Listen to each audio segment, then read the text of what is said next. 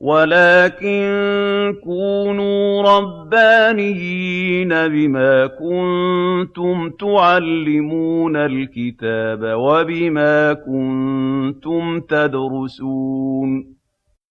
شيخ العمود وأهل العلم أحياء. آه بسم الله والصلاة والسلام على رسول الله. الحمد لله الذي علم القلم علم الإنسان ما لم يعلم والصلاة والسلام على خير معلم الناس الخير محمد. وبعد فأنا مستغرب إن العدد كتير شوية. آه طيب آم، سؤال قبل ما نبدأ في الكلام يعني ما أعرفش أحيانا ببقى الواحد بيبقى حاسس إن هو مش فاهم دوافع الناس. آه، إيه سبب يعني كثافة الحضور؟ يعني أنا ممكن آخد سؤال سؤال سؤال كل تلت نقسمه سؤال. آه، إيه ليه؟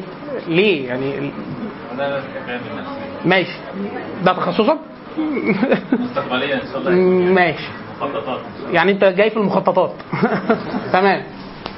آه، ثانيا آه، إن معظم الحاجات اللي بسمعها والقراءات المتداوله مالهاش علاقة بالدين خالص.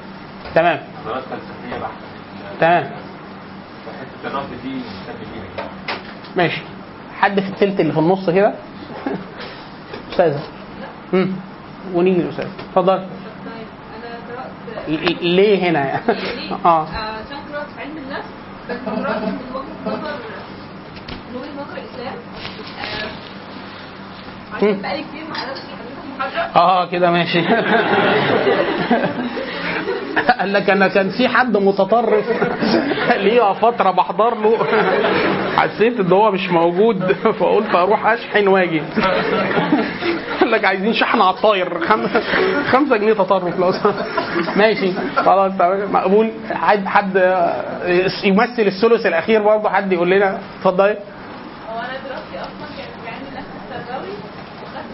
حضرتك علم حضرتك تربية؟ آه.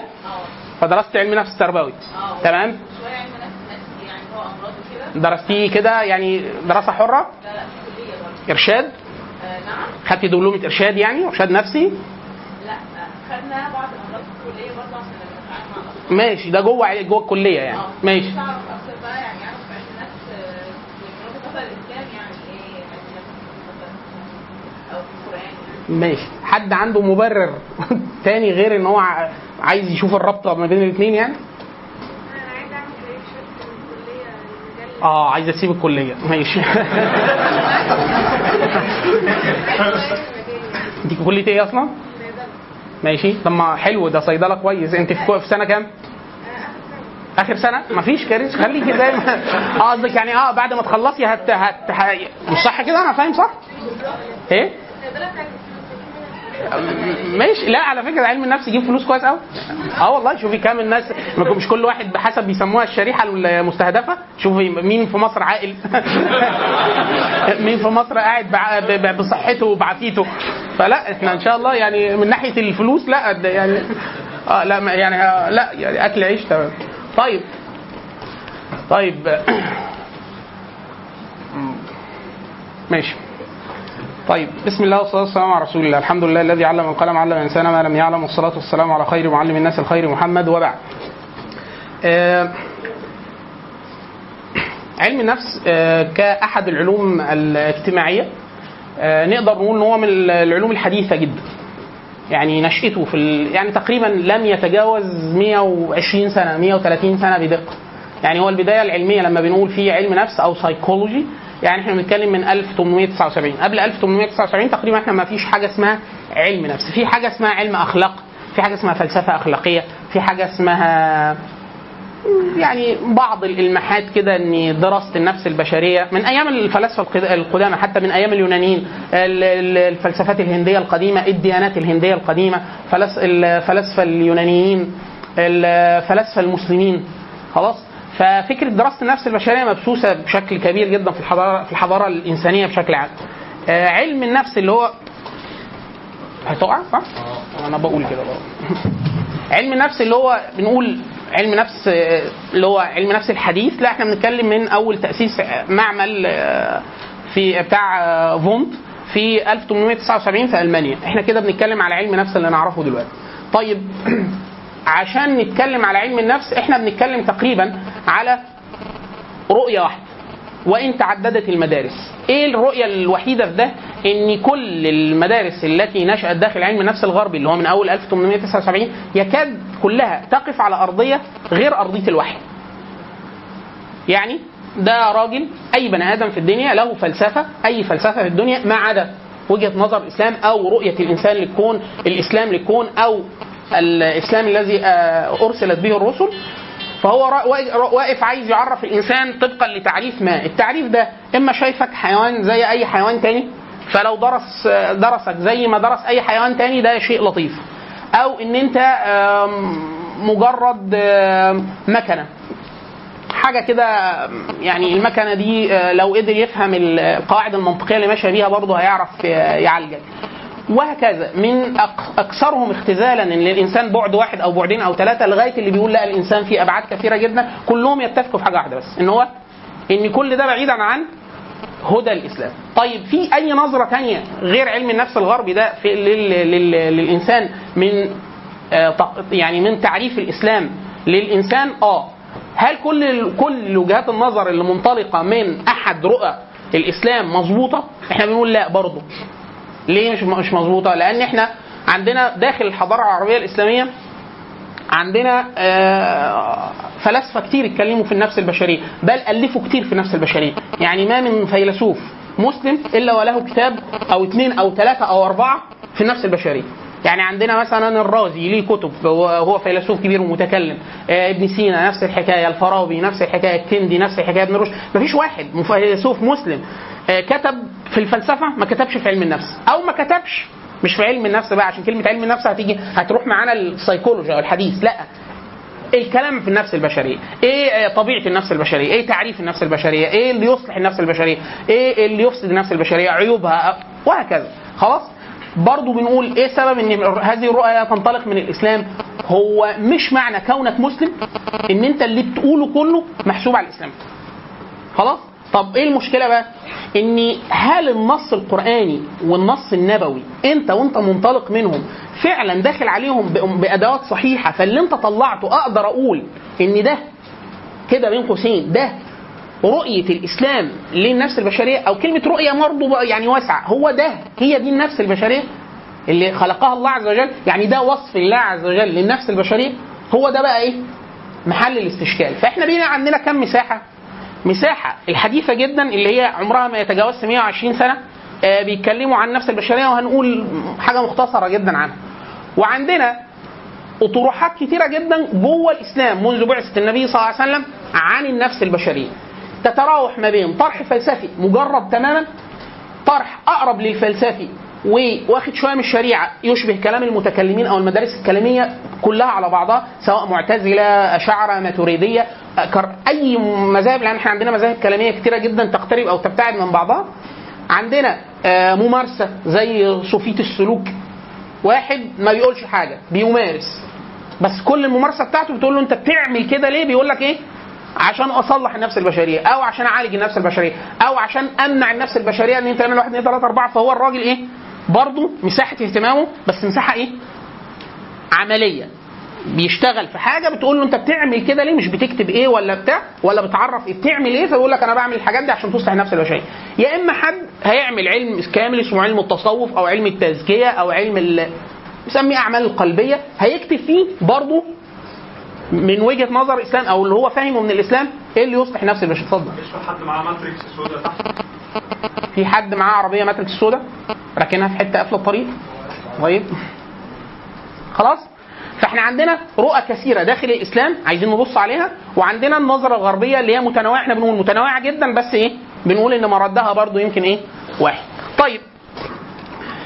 باختصار شديد المدارس المدارس الغربية ممكن في الآخر في العام ردها المدرستين أو تصورين يعني. في تصور اللي هو تصور إيه نقدر نقول تصور سلوكي. يعني أنا بتعامل معاك زي زيك زي أي كائن تاني. أي كائن تاني يعني؟ إيه أي كائن تاني يعني؟ أخطبوط ماشي آه، سمكة ماشي قنديل بحر ماشي. يعني ممكن أعمل آه، أبحاث كثيرة جدا اللي أنا بقوله. قد يبدو مزاحا بس هو حقيقي. إن أنا ممكن أعمل دراسات كثيرة جدا على الأخطبوط مثلا أو على ال- الاناديل الكبيره وبالذات الأناديل لأن الخلايا العصبية بتاعتها واضحة وبتاع. واخد اللي طلع ده أطبقه على حضرتك؟ ينفع. في واحد من المشاهير جدا علم النفس السلوكي قديما معظم تجاربه على الفراخ البيضاء. هو ال- طب إيه السبب؟ هو إيه الفرق بينك وبين الفرخة؟ يعني فانطلاق ان أنت ممكن لو درست سلوكك زي أي حيوان تاني ممكن ولو درست أي سلوك تاني من الحيوانات التانية وطبقت عليك برضه ما يحصلش حاجة. يعني الاثنين أنتوا إيه؟ قريبين من بعض. في حد تاني بيقول لك لا البني آدم ده جواه آه، حاجات تانية غير السلوك. خلاص؟ فأنا ده اللي هو إيه أحيانا بيسموه الجانب العيادي. أنا هشوفك أحللك آه، مشاكلك وبتاع بس إيه؟ بعيد شوية عن الجانب المادي. لا أنا بس إيه بدل ما الجانب المادي كان مفرط جدا في المادية التاني هيقول لك إيه يعني حضرتك هتكلمني عن الشعور. فيقول لك لا مش هنتكلم عن الشعور. هنتكلم عن إيه؟ أقول لك عن لا شعور. يعني اللي أنت مش حاسس إن أنت حاسس بيه. ما إحنا كنا لسه دلوقتي في المادي المادي بيتكلم كلام واضح وبتاع وحاجة تتقاس وكده التاني هيروح مساحة طويلة جدا. نقدر نقول إن دول أكبر وجهتين نظر يكون كل المدارس كلهم بت... يا تروح يا راحة دي بنسبة كبيرة يا راحة دي بنسبة كبيرة. في مدارس بتقول اللي هو بيسموه الاتجاه التوفيقي. إحنا مش لازم يكون كده ومش لازم يكون كده. إحنا ممكن إيه؟ ننظر للانسان نظرة ثنائية. ما يمنعش إن أنت وصلات آه، مادية وفي كيمياء وبتاع ولو درسنا الحيوانات برضو يعني لو جبنا فران بيضاء عملنا عليها تجارب برضو هنستفاد ولو جبنا فراخ ولو جبنا أخطبوط ولو جبنا اناديل بحر برضو هنستفاد بس مش معناها إن أنت كده زيهم بالظبط. مش لازم. وإن كان لا عندك نفس الجهاز العصبي ونفس الإفرازات ونفس المواد ونفس كل حاجة بس الجانب الثاني لا يهمل. إن إحنا نلاقي الطريقة دي في علم النفس الغربي ما زال لا يوجد مدرسة تدعي نفسها تقول إن أنا قادرة إيه؟ واسس نظرية واضحة تقدر تجمع ما بين إيه؟ وجهتين النظر دول. طيب علم النفس بكل مدارسه ده هو الراجل بيعمل إيه؟ بيعرف نفسه بإيه؟ إحنا دايما بنقول إن علم النفس الحديث بيعرف نفسه بالعلم الذي يدرس السلوك الإنساني والعمليات العقلية. ده اللي هو عايز يدرسه. العلم الذي يدرس السلوك الإنساني والعمليات العقلية. حتى العمليات العقلية دي ملحقة شوية لأن زمان الأول كان قال لك إحنا عايزين ندرس إيه؟ علم السلوك ونغيره من اسم علم النفس نسميه إيه؟ علم السلوك ونخلص لأن إيه موضوع النفس ده إحنا مش عارفين نمسكه وهو الراجل علمي علمي يعني إيه عايز حاجة مقيسه مختبرة دقيقة يعرف يتعامل معاها ما دام النفس دي حاجة كده وهمية شوية مش عارف يتعامل معاها فقال لك أشطب على نفسه خليها إيه السلوك ده حاجة ظاهرية بشوفها سميها علم نفس السلوك. بعد شوية الناس هيقول لك لا طب وإحنا بننسى إزاي؟ بنتذكر إزاي؟ أنا شايف حضراتكم إزاي دلوقتي؟ أنتوا سامعيني إزاي؟ ليه سامعيني ومش سامعين صوت التكييف مثلا؟ إلا لما أنا قلت لكم تسمعوا تاني وترجعوا تاني. وهكذا. إزاي أنتوا بتدركوا الأشياء الإدراك ده ممكن متعدد ولا فردي؟ انت بتنسى إزاي؟ إيه الحاجات اللي بتنساها؟ إيه الحاجات اللي بتفتكرها؟ إيه الذاكرة دي أنواعها إيه؟ إزاي في حاجات قريبة جدا بتنساها وازاي في حاجات من 20 سنة بتفتكرها؟ وهكذا. فقال لك لا إحنا نضيف إيه؟ نضيف كمان العمليات العقلية. فبقي كده علم العلم الذي يدرس السلوك الإنساني والعمليات العقلية ده إحنا كده بنتكلم على علم النفس. خلاص كده ده العلم النفسي إيه؟ الغرب. العلم ده عايز يحقق إيه؟ زيه زي أي علم. أي علم. عايز يحقق إيه؟ عايز واحد إن أنت تقوم بالخطوات اللي إحنا نقولها الخمسة دول. إن أنت تكشف تكشف عن العلاقات ما بين الظاهر المحل الدراسي.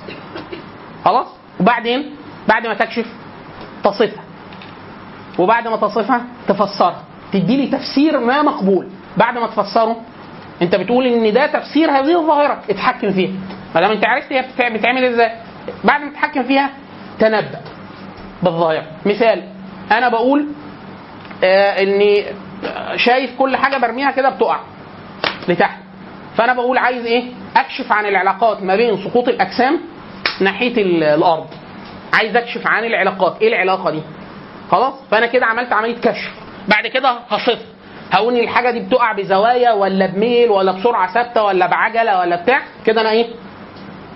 وصفت الظاهرة. بعد كده ليه الحاجات بتقع؟ كل ده إحنا ما جاوبناش. خلاص يبقى أنا عايز إيه؟ تفسير للظاهرة. بعد ما افسره يعني نيوتن مثلا عامل لنا تفسير لغاية دلوقتي الناس قبلها بشكل كبير. خلاص؟ قانون جاذبية. بيقول لك في قانون جاذبية في قوة جذب. انت شفت قانون قوة الجذب؟ أنا شفتها حضرتك شفتها محدش جواها مش هتشوفها. خلاص لكن في ده تفسيره. خلاص؟ طيب ما دام ده التفسير وانت بتزعم ان دي الحاجات بتقع لأن في قانون بيحكمها 1 2 3 4 والقانون ده بتحكمه بعض الصيغ الرياضية. طيب لو إحنا مسكنا كورة ورميناها من الدور العاشر توصل بعد كام ثانية؟ ممكن تتحكم في ده وتضبط آه ممكن لو رمينا كورة بأنهي قوة؟ توصل للسقف تلمسه لمسة خفيفة وتيجي وهكذا. تقدر تعمل ده يبقى كده انت وصلت لمرحلة إيه؟ التحكم والضبط. طيب لو أنا عملت مدفع وعايز أضربه ينزل على إزاز عربية يكسرها من غير ما يكسر أي حاجة تانية. ينفع نعمل كده؟ همسك طوبة أرميها بنبلة تخبط في حاجة تكسرها لوحدها. ينفع تتوقع بكده؟ يقول لك آه. لو قدرت تعمل خمسة دول يبقى أنت بتتكلم في إيه؟ في علم. إيه الهدف من تحويل علم النفس؟ علم. من أول 1879 إن هو يوصل لإيه؟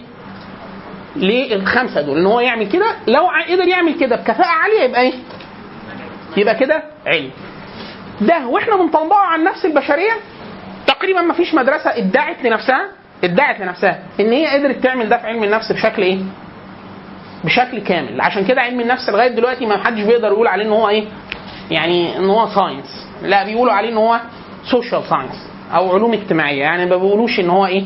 علوم ليه؟ لأنه مش قادر يحقق عملية التحكم والضبط ده ده اللي هيجرنا لإيه؟ ليه اللي هو فكرة التقسيمه اللي داخل التقسيمه اللي داخل علم النفس الحديث إن هو في ناس بتقول إن هو زيه زي الحيوانات فطيب ما دام هي تفاعلات كيميائية المفروض تقدر إيه؟ تحقق فيها هذا الضبط بشكل كبير والتنبؤ مش قادر تعمل ده يبقى نرجع لإيه؟ نصدق نحاول نصدق الناس التانيين اللي هو بيقول لك لا إحنا هنتكلم في الشعور في الشعور ولا شعور وكذا زي مدرسه التحليل النفسي ودي هنتعرض لها يمكن بشكل موسع سنه لما نيجي نتكلم على العلاج النفسي ما بين القران وما بين غيره. طيب المسلمين اي واحد مسلم إحنا لسه ما حددناش إيه في الاسلام اي واحد مسلم بيقول لك والله. ما دام أنا مسلم يبقى أنا معترف معترف اني رب العزه خلق هذا الكون ده واحد الف ب اثنين ان الانسان ده كائن مميز ها؟ لازم الإنسان ده كائن مميز. يعني أنا آه، زي زي الأفيال؟ لا. إيه السبب؟ ما هو أنا باكل هما بياكلوا وأنا بشرب هما بشرب وأنا بجوع وهما بيجوعوا اللي بنقول لا والله التكليف ونفخة الروح. التكليف ونفخة الروح. الروح دي آه، دي المي- المي- الميزة اللي فيها الإنسان إن الروح دي أبدية. يعني إيه أبدية؟ يعني دي قاعدة على طول. يا في الجنة على طول يا في النار على طول. خلاص الحيوانات تفنى وخلاص تحشر يوم القيامة بس الله عز وجل يفصل ما بينها ما بين المظالم ما بين البهائم والحيوانات والوحوش.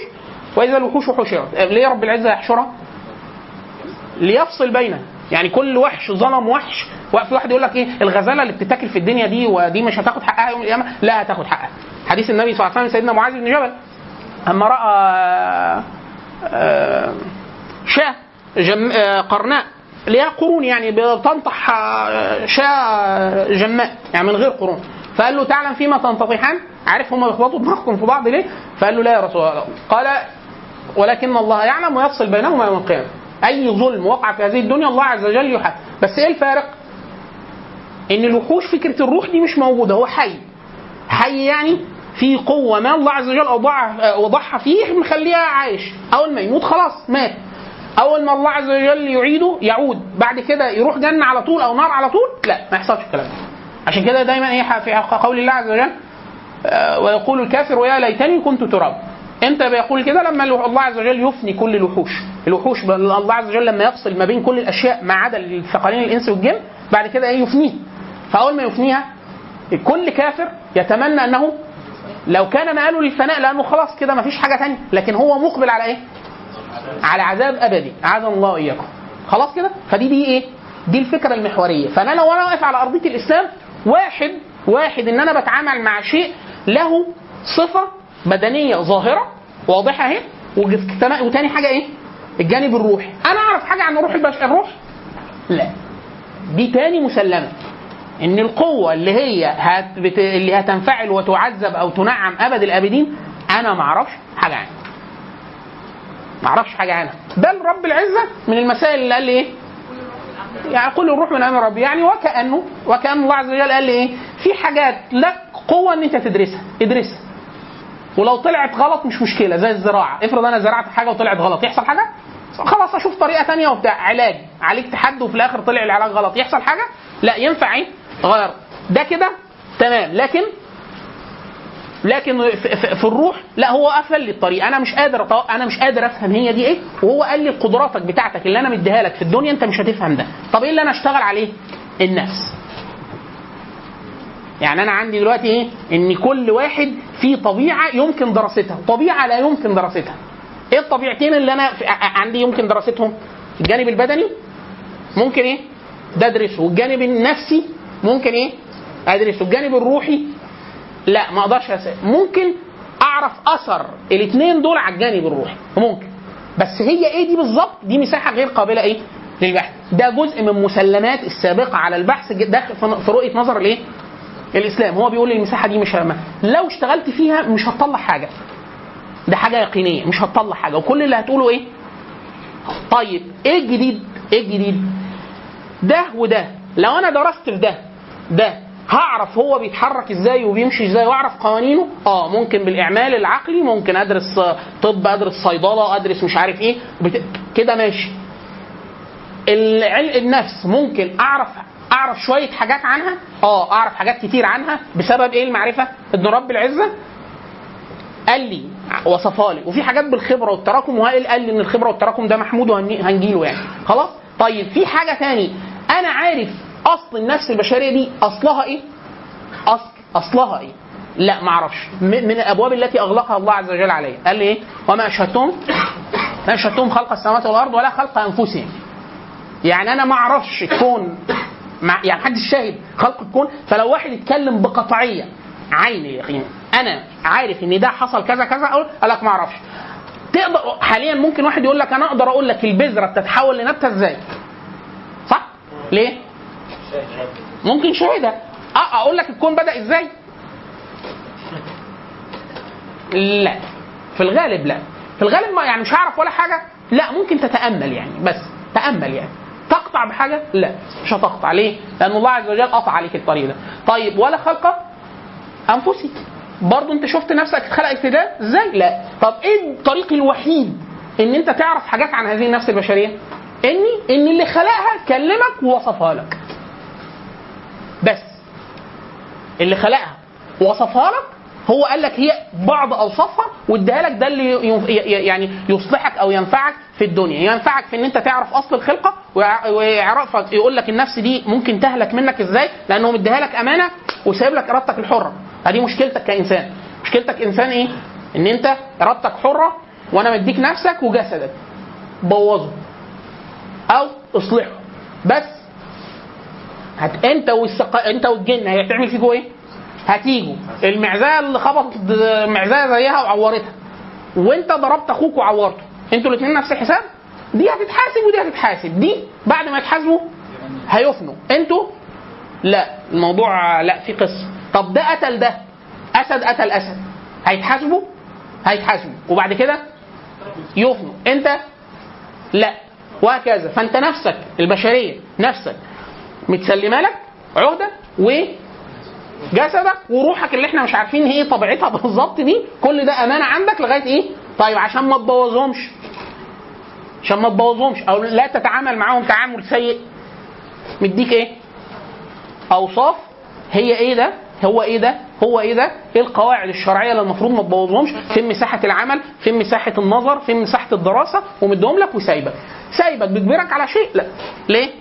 لأنه جزء من تعريفك كإنسان إن أنت صاحب إرادة حرة والإرادة الحرة دي متعلقة بكونك هتمتثل لأوامر الله عز وجل ونواهيه ولا لأ؟ وبعد كده تدخل إما جنة أو نار. خلاص كده؟ ده كده اجمالا دي الصورة اللي أنت كمسلم مستلم بيها التعامل مع الجسد والنفس والروح وملحقاتهم بحسب أنت فهمك عن الله عز وجل؟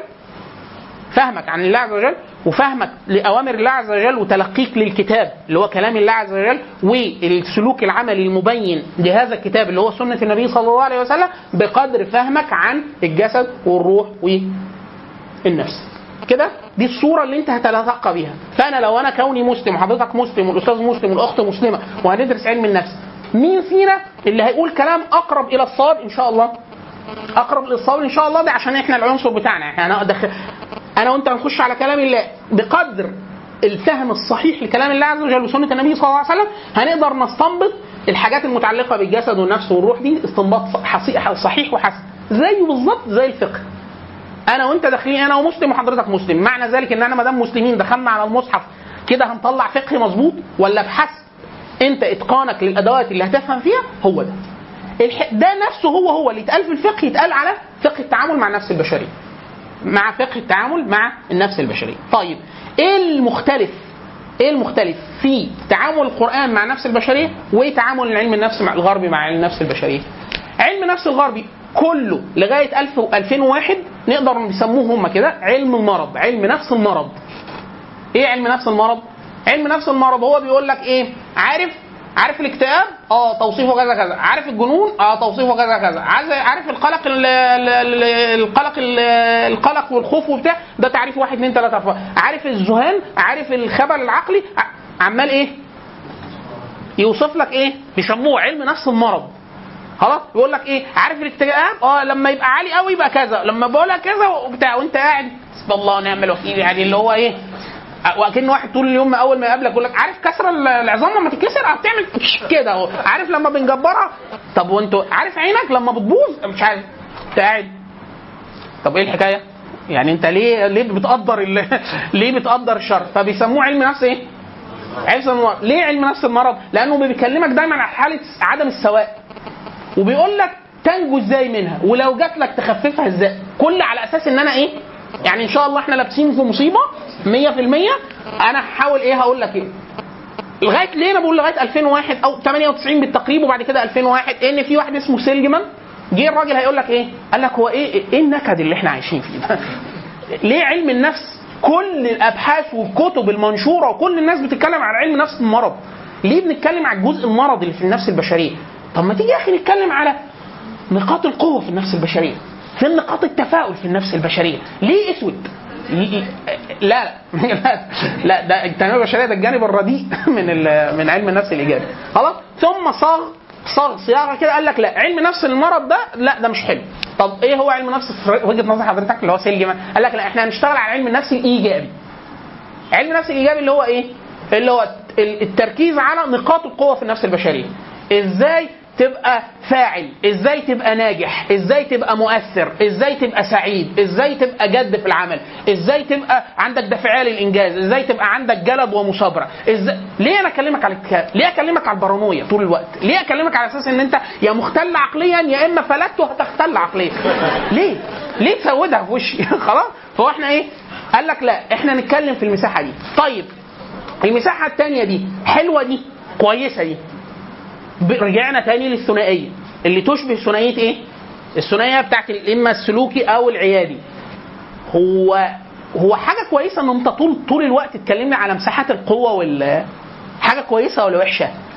هنا بقى رجعنا إيه؟ للسؤال اللي هو المفروض ننتقل منه لل- للكلام على علم نفس القرآن. هو المفروض أكلمه فعلا عن إيه؟ عن المرض ولا عن القوة وال وال والفرص؟ أكلمك عن ده ولا ده؟ لو قلت ده قول ليه؟ ولو قلت ده قول ليه؟ يعني أنا مثلا واحد يقول لك لا كلمنا عن مرض. ليه كلمك يقول لك إيه؟ لأنه حديث سيدنا حذيفة بن اليمان مثلا. آه ده واحد مثلا سيدنا حذيفة هو رجل عاقل وصاحب النبي صلى الله عليه وسلم. قال لك كان كان الناس يسألون رسول الله صلى الله عليه وسلم عن الخير. وكنت أسأله عن الشر.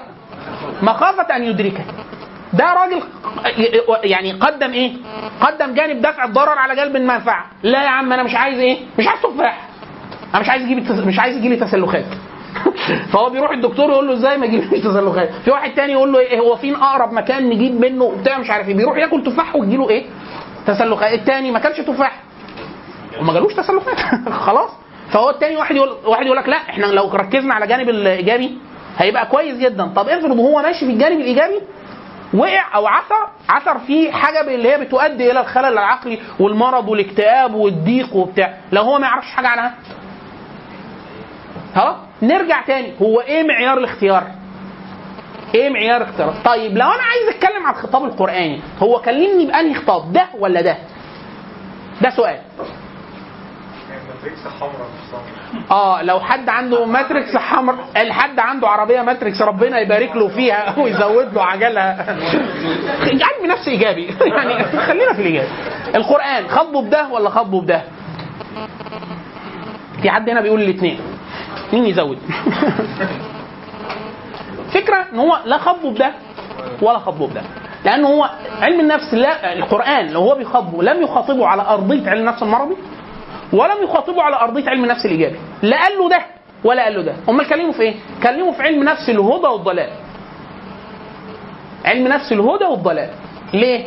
هو أنا أصلا ما بكلمكش من أرضية إنما قعدت تكتشف وبتاع هات ركبتك آه بتطلع قدام رحت كاتب قانون وصرفت لك روجيتا مش أنا اللي قلت ده. مش أنا يعني في واحد علم نفس هيقول لك إيه؟ على فكرة الإنسان أصله ذئب. كلمك على الجانب المرضي اللي فيه وأنت من جواك كلك كلاكيع. وبتكره أخوك اللي جنبك ده. وأنا لولا لولا حطيت لك قوانين وفي أعراف اجتماعية وبتاع تا- تقتله وتاخد فلوسه ومش عارف إيه وبتاع. خلاص؟ فإحنا كده بنتكلم على الجانب إيه؟ السلبي. في واحد تاني الجانب الإيجابي يقول لك إيه؟ أنت كلك قوة وتفاؤل وحب وبعدين يعني الأرضية اللي أنت واقف عليها هنا معلش تاني نرجع تاني. أنا بقى كمسلم أصدق مين فيهم؟ والله ما اشهدتهم ما أشهدتهم خلق السماوات والأرض ولا خلق أنفسهم. يعني أنت أصلا ما تعرفش نفسك ليه؟ أمال كنت بتتكلم الصبح ليه؟ يعني أنت ليك 100 سنة بتتكلم في علم النفس المرضي بمس... بأساس إيه؟ يقول لك أنا بعمل تجارب وبتاع. طب أخوك التاني المتفائل؟ هات لي المتفائل هات لي المتفائل. أنت ليه ليك أكتر من 10 سنين مثلا دلوقتي ولا 15 17 سنة متفائل ليه؟ فأقول لك أنا شايف إن دول كانوا بيفسدوا وأنا شايف إن إحنا كده بنساعد الإنسان ليه؟ أنا بقول له إيه؟ أنا بقول له لا، طب ما تيجي نشوف اللي خلق هذه النفس بدل ما انت عمال إيه؟ أو هو انت الأصل فيك إيه؟ فأنا الاقي بقى انخطاب السماء واحد بيصف إن هذه النفس أصلا ذات طبيعة مزدوجة. يعني وهديناه النجدين يعني القرآن واحد رب العزة بي بي يكلمك كيف خلقك ما اشهدتم خلق السماوات والأرض ولا خلق أنفسهم رب العزة الوحيد اللي هيقول لك إيه كيف خلقت هذه النفس البشرية؟ فرب العزة في إحنا عندنا أكثر من 300 آية في القرآن كلهم وصف للنفس البشرية. خلاص؟ هذه النفس البشرية. إما حاجة جبليه خلقية يعني كل واحد فيه هذه النفس. فيه فيه الحاجة دي. كل الناس فيها الحاجة دي. يا إما كل نفس البشرية يطرأ عليها واحد اثنين ثلاثة أربعة. إما نفس بشرية طرأ عليها واحد اثنين ثلاثة أربعة نفس بشرية طرأ عليها كذا وعولجت نفس بشرية طرأ عليها كذا ولم تعالج نفس بشرية لو فعلت كذا وكذا كذا فعل بها كذا وكذا وكذا نفس بشرية إن توقفت عن كذا وكذا كذا كذا فعل بها واحد اثنين ثلاثة أربعة. فهو إيه؟ الله عز وجل بيكلمك كلام واضح من المصدر الوحيد المعتمد في التعامل مع هذه النفس البشرية. خلاص؟ طيب لو إحنا هنتبع ال ال هنتبع ال ال الأسلوب اللي عالج بيه الأستاذ محمد عثمان نجاتي في سواء كتابه هو محمد عثمان نجاتي ليه؟ أربع خمس عناوين في علم النفس الإسلامي وليه ترجمات كبيرة جدا وكثيرة جدا لعلم النفس الغربي ودي من مميزاته من مميزات دكتور محمد عثمان نجاتي ليه م... إيه؟ في علم النفس يعني؟ آه هو أستاذ علم نفس غربي. خلاص إيه إيه المزية في دكتور محمد عثمان نجاتي عشان ننطلق للمناقشة بتاعت الجانب طريقة العلاج بتاعته؟ أنا ليه بقول طريقة العلاج؟ لأن إحنا اتفقنا إنه مش كل واحد واقف على الأرضية الإسلامية هيقدم شيء نتفق عليه كلنا بس إيه بقدر إيه؟ هو أقرب إلى الصواب إن شاء الله. يعني هيقول حاجة ليه السبب؟ لأن هو بيروح يسأل من خلق النفس البشرية وبياخد من كلامه. فجانب الإصابة هيبقى إيه؟ أكتر بكثير جدا من جانب الخطل أو الخلل أو الفساد اللي موجود في المدارس الثانية. دكتور محمد عثمان نجاتي عادي رجل كان من أساتذة علم النفس بيدرس علم النفس أثناء دراسته لعلم النفس الغربي وتحضيره دراساته العليا ماجستير والدكتوراه كتابه الأبحاث انتبه لفكره إن في موجود دايما معظم المسلمين في آخر 100 سنة تقريبا ولا حاجة بينطلقوا بسبب جهل شديد جدا بالتراث الإسلامي. يعني هو ما درسش في الأصل فقه ما درسش عقيدة ما درسش تراث ما درسش تصوف ما درسش أخلاق ما درسش علم تزكية. فهو متصور إن إحنا ما قلناش حاجة في المساحة دي. لما أنا بقول لك علم النفس الغربي نشأ 1879 يبقى أكيد إيه؟ مفيش دراسة لعلم النفس قبل 1879 لا هو بيدرس. فوجئ إن مثلا في كلام لابن سينا كلام للفلاسفة وبتاع قال لك إيه ده؟ راح عامل بحث. وبعد كده توسع شوية في البحث. وبعد كده بدأ ينتقل شوية كل شوية يرجع للتراث ويقرأ شوية تراث. قال لك لا ده إحنا مش عندنا نظريات كاملة. هو برضه داخل من أنهي مدخل؟ يعني هنا لو حطوا عايزين تحطوا ملاحظات على فكرة المداخل معظم الناس اللي هم بيتعاملوا مع اسلامه علم النفس التاريخ المعاصر وعلى رأسهم الدكتور محمد عثمان نجاتي إن هو اكتشف ده اكتشافا من العكس. يعني هو جاي من مدرسة علم النفس الغربي وهو ماشي كده لمح إن في حاجة عندنا في التراث. لما راح ليه إن هي حاجة ثمينة وعظيمة وبتاع. بس هو جاي لها إيه؟ يعني باصص برضه وقف على أرضية غربية امتلأ منها وبعد كده بص عليها. دي حاجة هنحطها على الهامش لأنها هتأثر جدا في طريقته حتى في طريقة عرض الكتاب. لو إحنا هنقدم حاجة نقدية كده على هامش آه، طريقة عرض الكتاب سواء كتابه ده أو كتاب علم آه، كتاب الحديث النبوي وعلم النفس برضه خلاص؟ فالراجل هيقول لك إيه؟ ده القرآن عنده نظرية كاملة عن الدوافع. إحنا هنقول دلوقتي إيه ال- التعريفات للحاجات دي. عنده دراسة للإنفعال عنده دراسة للعم... يعني عنده دراسة للسلوك الإنساني وعنده دراسة للعمليات العقلية. اللي هو بيدرسهم علم النفس الغربي. طب ما تيجي نشوف الإسلام بيقول إيه في المساحة دي؟ واخدين بالكم من النقطة؟ يعني أنا مش هنطلق انطلاقا لدراسة النفس البشرية من نموذج داخلي 100% لا أنا هروح. فرويد قال كذا. شوف لنا شوف لنا دي عندنا اسمها إيه. أنت فاهم الكلمة؟ فأنا هقول إيه؟ عندنا كبت. فأقول لك آه هو فرويد قال كبت. شوف آه لا والله في يا أخي. ما قال لك كظم الغيظ. هي كبت ده ولا مش كبت. لا لحظة. هو أنت ليه عملت كده؟ يعني هي دي ملاحظة عامة على إخواننا على الكتاب وعلى معظم الكتب التانية. ليه حاطط أنت الفهرس بتاع النظر بتاعك للمنطلقات. دي ملاحظة مهمة جدا لأن لو واحد فعلا عايز يخلص النظر للنفس البشرية لا ده يتتبع في كتاب يمكن نحيل عليه أو حتى نحط الرابط بتاعه على على صفحة ال event يمكن وبتاع. أنا في رأيي الشخصي أكمل وأضخم وأفضل من آه، ده. أظن اسمه آه، أظن أظن مدخل علم النفس في الكتاب والحديث النبوي آه، دراسة متكاملة كتابين بس هو دراسة ضخمة وكبيرة وأظنها أكثر شمولية وتغطية وانطلاقا من القرآن من مؤلفات دكتور محمد عثمان. بس ميزة محمد عثمان جت إن هو إيه؟ سهل القراءة لأي حد. كتاب يعني ممكن تقراه بسهولة يعني ما ما فيهوش كتاب بسيط. البساطة دي ليها آه، جانبين جانب سلبي وجانب إيجابي. الجانب الإيجابي إن أنت بسهولة جدا تلقط الفكرة إن هو آه والله موجود وبتاع. الجانب السلبي إن لأ الموضوع أعمق من كده. والتناول مش لازم يبقى على فهرس الايه على فهرس الع- العلم النفس الغربي طيب إيه؟ يؤدي الناس مختلفة النظره دي؟ آه في حاجات كتير. أنا مش فاكر كتاب اسم الك- الك- الكتاب آه، بدقة اسمه حاجة اسمه محمد زين أظن أو كذا. هي طبعه آه، طبعه بيروت الكتاب. لكن أنا يعني هخلي حتى الشباب حد سلمى أو عاطف يحط لكم الرابط بتاع ال- الكتاب. حتى لأنه مش موجود ممكن نرفعه لكم لأنه أنا اظنه نادر ك PDF. لكن أنا أنا عندي نسخة PDF. الكتاب أعمق شوية من آه، دكتور بس محمد عثمان نجاتي يعتبر مدخل سهل سهل ولطيف سواء في القرآن أو السنة والتاني تالي عليه. ف آه، أكثر أكثر آه آه آه معاصر ما هو. آه آه اظنه عايش اظنه عايش لأنه كتابه في التسعينات في أوائل التسعينات فهو يعني آه، هو أشمل في التعامل يعني خلاص؟ طيب. أنا أنا كمحمد عثمان نجاتي بعد ما اكتشفت ال ال ال الوجود ده بدأ الراجل يشوف مباحث علم النفس الغربي وينظر فيها إيه؟ طيب. الراجل بتاع علم النفس الغربي كان يهمه يشوف إيه؟ يشوف إيه بت... يعني هو عايز ي- يبص على إيه في النفس البشري؟ واحد الأساسي المنطلق الدوافع. إيه الدوافع؟ اللي هو المحرك المحرك اللي هو بيحركك ناحية فعل معين. الجماعه بتوع علم النفس معظمهم متفقين على اللي إحنا هنقوله دلوقتي. ان الإنسان له دوافع أو محركات أساسية. الدوافع دي هي- هيفصلوها شوية بعد كده. هذه الدوافع بتدفعه لسلوك معين. السلوك ده هدفه إيه؟ إشباع حاجة. يعني إحنا عندنا دافع وعندنا حاجة وعندنا درجة إشباع. فأنا عندي دافع بيدفعني لسلوك معين السلوك ده عايز يلبي حاجة معينة الحاجة دي عايزة تلبى إمتى أقول إن هي تم تلبيتها لو تم إيه؟ إشباعها. مثال أنا جعان. قمت جبت سندوتش. كلته. ما شبعتش. رحت طالب ثمان سندوتشات. كلتهم كلهم. حسيت إن أنا إيه؟ خلاص مش عايز. خلاص كده تمام. يبقى أنا كده اللي حصل. في دافع دفعني هنا يقول لك الدافع ده إيه؟ هنا يسموه كده. هم يقسموا الدوافع نوعين.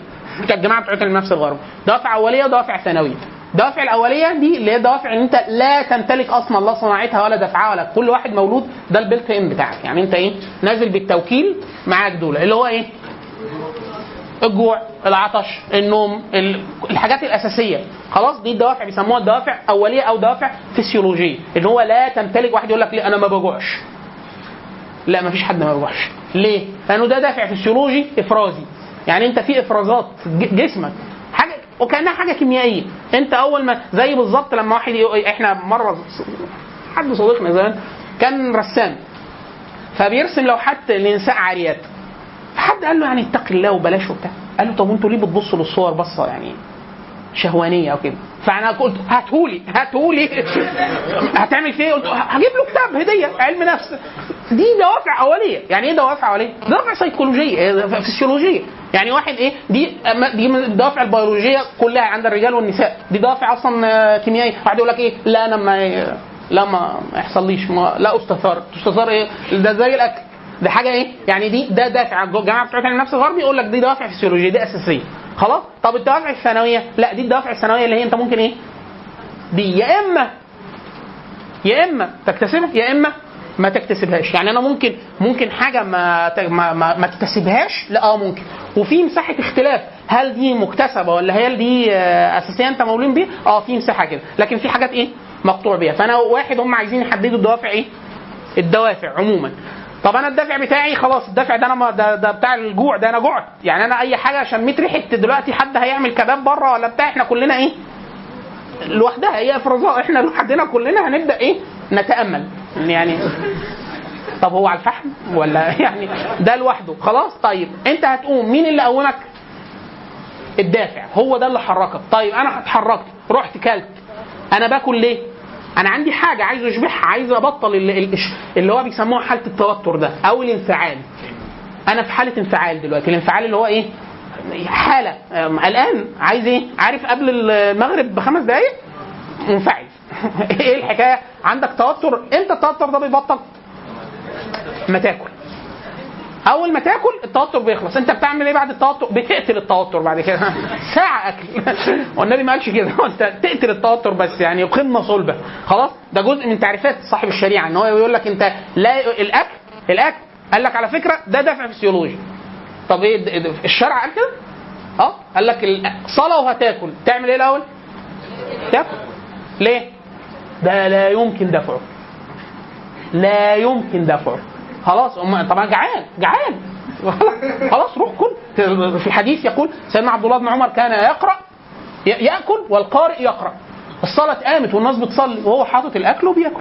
ليه؟ واحد يقول لك طب ما يأكل لقمتين ويقوم. لا أصل ده دافع فسيولوجي يعني يعمل إيه؟ يكمل أكله. يقول لك يعني إيه؟ أضربها أضرب لا لا يعني تأكل بالمعروف. زي السنة برضه. هو صاحب السنة اللي قال لك تأكل قبل الأكل؟ قال لك تاكل قد إيه قبل الاكل ما قالكش كل اللي كل اللي تلاقيه. خلاص كده؟ فده دافع دوافع. بعد ما ادرس الدوافع بدرس الانفعالات. الانفعالات اللي هي الحالات الوجدانية دي اللي هي أحيانا بتصاحبني زي إيه؟ زي الغضب زي الخوف زي العدوان زي خلاص؟ ده برضه هنتكلم شوية عليها بالتفصيل زي ما الدكتور عثمان نجاتي اتعرض لشوية منها. طيب بعد كده اللي هو أحيانا بيسموها حاليا بعد علم النفس المعرفي وعلم النفس المعرفي يعتبر من الطروحات الجديده نسبيا في علم النفس آه مش جديدة قوي بس يعتبر من الطروحات النفسية اللي هو إحنا بنسميها العمليات المعرفية الإدراكية. زي إيه؟ زي الإدراك زي التعلم زي الذاكرة زي النسيان. كل دي من العمليات إيه؟ من العمليات الإدراكية. خلاص؟ ده كل ح... علم نفس المرض ليها موقف وعلم النفس الإيجابي ليه موقف والقرآن ليه موقف وكل التفريعات اللي داخل الإسلام ليها تبقى مواقف من إيه؟ من العمليات المعرفية. وبعد كده في ناس بيقول لك انت كبني آدم ليك شوية خلطات كده انت ليك أشياء جسمانية وأشياء اجتماعية وأشياء آه، خبرات حياتية وبتاع لو جمعناهم على بعض على بعض. أقدر أقول لك إن الخلطة دي أكتر حاجة مصاحبة ليك. لو أكتر حاجة مصاحبة ليك من الخلطة ال- الجسمانية والاجتماعية المجموعات دي أقدر أقول إن ده إيه؟ نمط شخصيتك. واحد يقول لك إيه؟ أنا زربون. نرفز بسرعة وبتاع. في واحد يقول لك فلان هادي نسمة حمامة قاعدة معانا في ال... ده إيه؟ يقول لك نمط شخصيته كده. في واحد يقول لك إيه؟ رغاية. خلاص؟ نمط شخصية كده في واحد يقول لك إيه؟ لو قعد ساعتين ما يتكلمش خالص. ده نمط شخصيته كده. في واحد إيه؟ آه بطيء وهادي. في واحد عجول وسريع. في واحد آه يتخض بسرعة ويخاف ويقلق. يا لهوي بكرة الامتحان بعد ثلاث شهور. إيه ثلاث شهور؟ يعني إحنا بنذاكر بقى قبل الامتحان ثلاث ساعات وبنبقى في قم- قمة الاتزان ال- الانفعالي ولا العقلي. إيه موضوع ثلاث شهور؟ خلاص؟ ففي واحد آه، كده متوتر. في واحد هادي. في واحد لو حد خض ولا بتاع تلاقيه أعصابه كويسة وبتاع. وفي واحد تلاقيه لو حد يعني أي كح جنبه تلاقيه لزق في لسانه وهكذا. خلاص؟ فدي إيه؟ مجموعة مصاحبة لشخصيتك يكاد تكون علم على فإحنا ده بنقول ده نمط أنماط شخصية. لا ما هن- هنيجي خلاص؟ طيب بعد كده. إحنا كبني آدمين آه، في برانش كامل في علم النفس بيسموه علم نفس النمو. الأطفال الكبار الراشدين البالغين الكب- الكبار كبار السن ال- المسنين وهكذا دول كل كل واحد كل كل حقبة زمنية لها آه، طبيعة نفسية معينة فإحنا بنقول آه علم النفس الغربي بيقول آه وإحنا بنقول إن طبعا الإسلام طبعا واصف ده وصف دقيق جدا بسبب إن الله عز وجل هو الذي خلق فهو بيص- بيصفك وصف إيه؟ دقيق جدا من إمتى؟ وإنت بتتخلق هيقول لك الملك جه نفخ فيك الروح وانت في بطن أمك. قبل ما أبوك وأمك أصلا يتجوزوا بيبقى إيه ده؟ هو ده الوصف؟ ولا ان هو الذي خلق. هو اللي خلق الأب والأم وخلق كل شيء. فأنت إيه؟ وصفك وصف من أول ما أنت كنت لسه ماء في ظهر أبيك إلى أن تكون إيه؟ في القبر. وصفك الوصف ده كله. فإحنا بنتكلم على حالات إيه؟ النمو التي بتتعاقب على الإنسان. ووصفك في حالة عدم السواء. النفس اللي أنا مديها لك دي المفروض فيها ميزان. الميزان ده لو حطيت حاجة في الكفة اليمين هي هي هي هيبقى إيه؟ ماء لهذه لو الوصف الكفة اليمين والكفة اليسار. الكفه اليمين دي كفة السواء والكفة اليسار كفة عدم السواء. بقدر أنت وضعك في هذه الكفة تبقى إنسان غير سوي أو نفس غير سويه طب إيه وصف غير النفس السوية؟ وإيه معيار السواء ومن عدمه؟ القرآن حط مي- مي- ميزان لده وعلم النفس حط ميزان لده. خلاص؟ طيب أنا لو أنا ملت الكفة دي خلاص أنا بوظت كده؟ يعني خلاص ما, بت ما لا, لا فالقرآن بيقول لك لا. الله عز وجل بيقبل منك إيه؟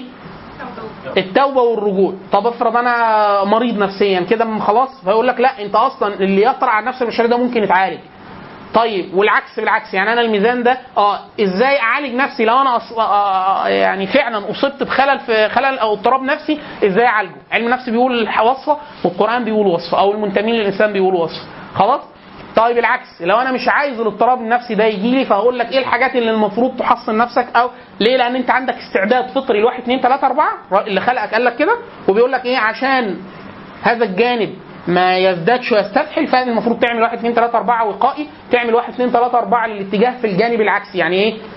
الاثنين بي- بيتقالوا مع بعض. ده من جا من ناحية من ناحية العلاج النفسي ومن الناحيه اللي هو إيه؟ علم النفس إيه؟ هنسميه علم نفس الهدى مش علم نفس الإيجابي. علم نفس الهدى بيقول لك إيه؟ مش تعمل الحاجة اللي الناس تراها. أصل علم النفس الايجابي بيقول لك إيه؟ نركز في الكلام على الأشياء الإيه؟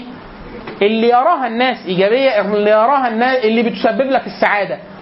السعادة. فأنا بقول له والله أنا مش عايز السعادة قوي ومش عايز النجاح قوي واحد يقول لك أمال عايز إيه؟ أنا عايز السعادة الأخروية وعايز الفلاح. طب واحد ممكن يقول لك طب أنا مش ممكن يعني مش هسعد في الدنيا؟ والله ممكن يكون قدرك كده. يعني انت هتعيش واقع يبدو مؤلما لكن هتبقى إيه؟ فالح. خلاص؟ وهتبقى سعيد بتعريف معين للسعادة. فده حلو. هو ده بقى هذه الفكرة. عشان كده إحنا بنقول تعريفات يقول لك الانسان الإسلام مليء بعلم النفس الإيجابي. اللي هو يعني يقول لك يعني القرآن عايزك سعيد. مطلق سعيد. لا أكيد مش مطلق سعيد لأن في كتير جدا أحيانا حد بيروح يكون عنده اضطراب نفسي خفيف أو وسط وسط أو عالي لدكتور نفسي فيقول له إيه؟ يعني ما تضغطش على نفسك في أي حاجة. أي حاجة أنت عايز تعملها اعملها. ما دام بت- بتبسطك. طب ما افرض بتبسطني وحرام. ما في حاجات كل المحرم النبي صلى الله عليه وسلم إحنا عندنا قاعدة قاعدة في فكرة السرور والع... النبي صلى رب العزه فيما نقله النبي صلى الله عليه وسلم عن رب العزة أن الله عز وجل خلق الجنة والنار. ثم أمر جبريل بأن طاف بالجنه وطاف بالنار فلما شاف الجنة قال إيه؟ قال له ما من أحد من خلقك يسمع بها إلا ودخلها يعني حد توصف له الجنة يقول لك الجنة فيها كذا وكذا وكذا وكذا وكذا إحنا العيل الصغير بنقول له هنجيب لك عجلة. ب 300 جنيه بعد الامتحانات بيذاكر. عشان وصفت له إيه؟ عجلة. ولا هنجيب لك شوكولاتة بيبقى زي الفل. خلاص. فده إذا وصفت الجنة لأحد لا سعى للجنة فدخلها. وجعل ينظر إلى النار فقال له عزتك إذا ما من أحد يسمع بها إلا لا يتجنبها وما يخشهاش وبتاع. ثم حفت الجنة بالمكاره وحفت النار. ففي حاجات كده اللي هو بتاع علم النفس الحاجة دي بتضايقك ما تعملهاش. طب ما هي التكاليف كلها بتضايق. يعني كل التكاليف في الأصل ما ده جزء من تعريف النفس البشرية. إن هو مكلفك بحاجة النفس البشرية في الأصل. هي كلفة عليها يعني أنا ما بقولكش ولا حاجة أعملها وهي أصلا سهلة على النفس البشرية. إلا من سهل الله عليه. يعني في الأصل أي حاجة أنا بقول لك بقول لك إيه؟ ما تاكلش. يعني إيه ما تاكلش؟ إحنا لسه متفقين إن هو فسيولوجي يعني أنا طول الوقت إفرازات كده إفرازات. هقعد آكل في نفسي. آه هتقعد. ما اكلش لا ما أنت صايم. صايم الصيام الفريضة. لا قاعد. طب يعني إيه؟ يعني إحنا هنفضل كده لغاية وقت معين. ليه بيقول لك كده صاحب الشريعة؟ هو أمر بكده طب ما ده في كلفة. وفي ألم إن إحنا فعلا الواحد أحيانا لما حد لو حد جرب شغل وروح وجاي وبتاع وهو صايم بيبقى حاسس إن هو أحيانا لولا ال... الاحترام وبتاع عايز يبكي اللي هو إيه ما ينفعش أفطر. ليه ألم؟ لو حد ما عرفش يعني يجرب الإحساس ده اللي هو إيه؟ ألم أنا متأ... مش جعان. لا جعان دي سهلة. لا في متألم. أنا جع... ال- الجوع اللي جاب الألم خلاص جوعت انت روحي فاطمة روحي كلي سندوتش. ها؟ ففي كده. فدي كلفة. كلفه طب هو صاحب الشريعة عمل كده؟ ده هو قال لي أصلا حفت الجنة بالم... بالمكاره اللي هو ما تكرهه النفس. خلاص وحفت النار. طب أنا لما يقول لي اعمل الحاجة اللي تبسطك ده حاجة كويسة. لا أنا مش يعني إيه حاجة اللي تبسطك؟ طب ما الزنا حلو وأكل الحرام حلو وأكل وحاجات كثيره جدا مما حرمها الله عز وجل. كوي- هي يعني آه دي حاجة حفة بالشهوات يعني لا ده حاجة وتبسطني وتدخل ومن الناحية الهرمونية ومن ناحية ال- الكيمياء الكيمياء بتاعت الجسم لا ابقى سعيد سعيد جدا خلاص ولكن ولكن صاحب الشريعة قال لي إيه؟ قال لي ما تعملش كده خلاص كده طيب يبقى دي دي النقاط تقريبا اللي الدكتور محمد عثمان نجاتي دخل يواجه يقارن بينها وبين إيه؟ ما بين علم النفس الغربي وما بين علم وما بين ما يمكن فهمه من القرآن. ليه إحنا بنقول ما يمكن فهمه من القرآن؟ لأن المسألة دي مسألة تدقيق شديد جدا وعملية فهم يعني إيه؟ آه زي الفقه كده.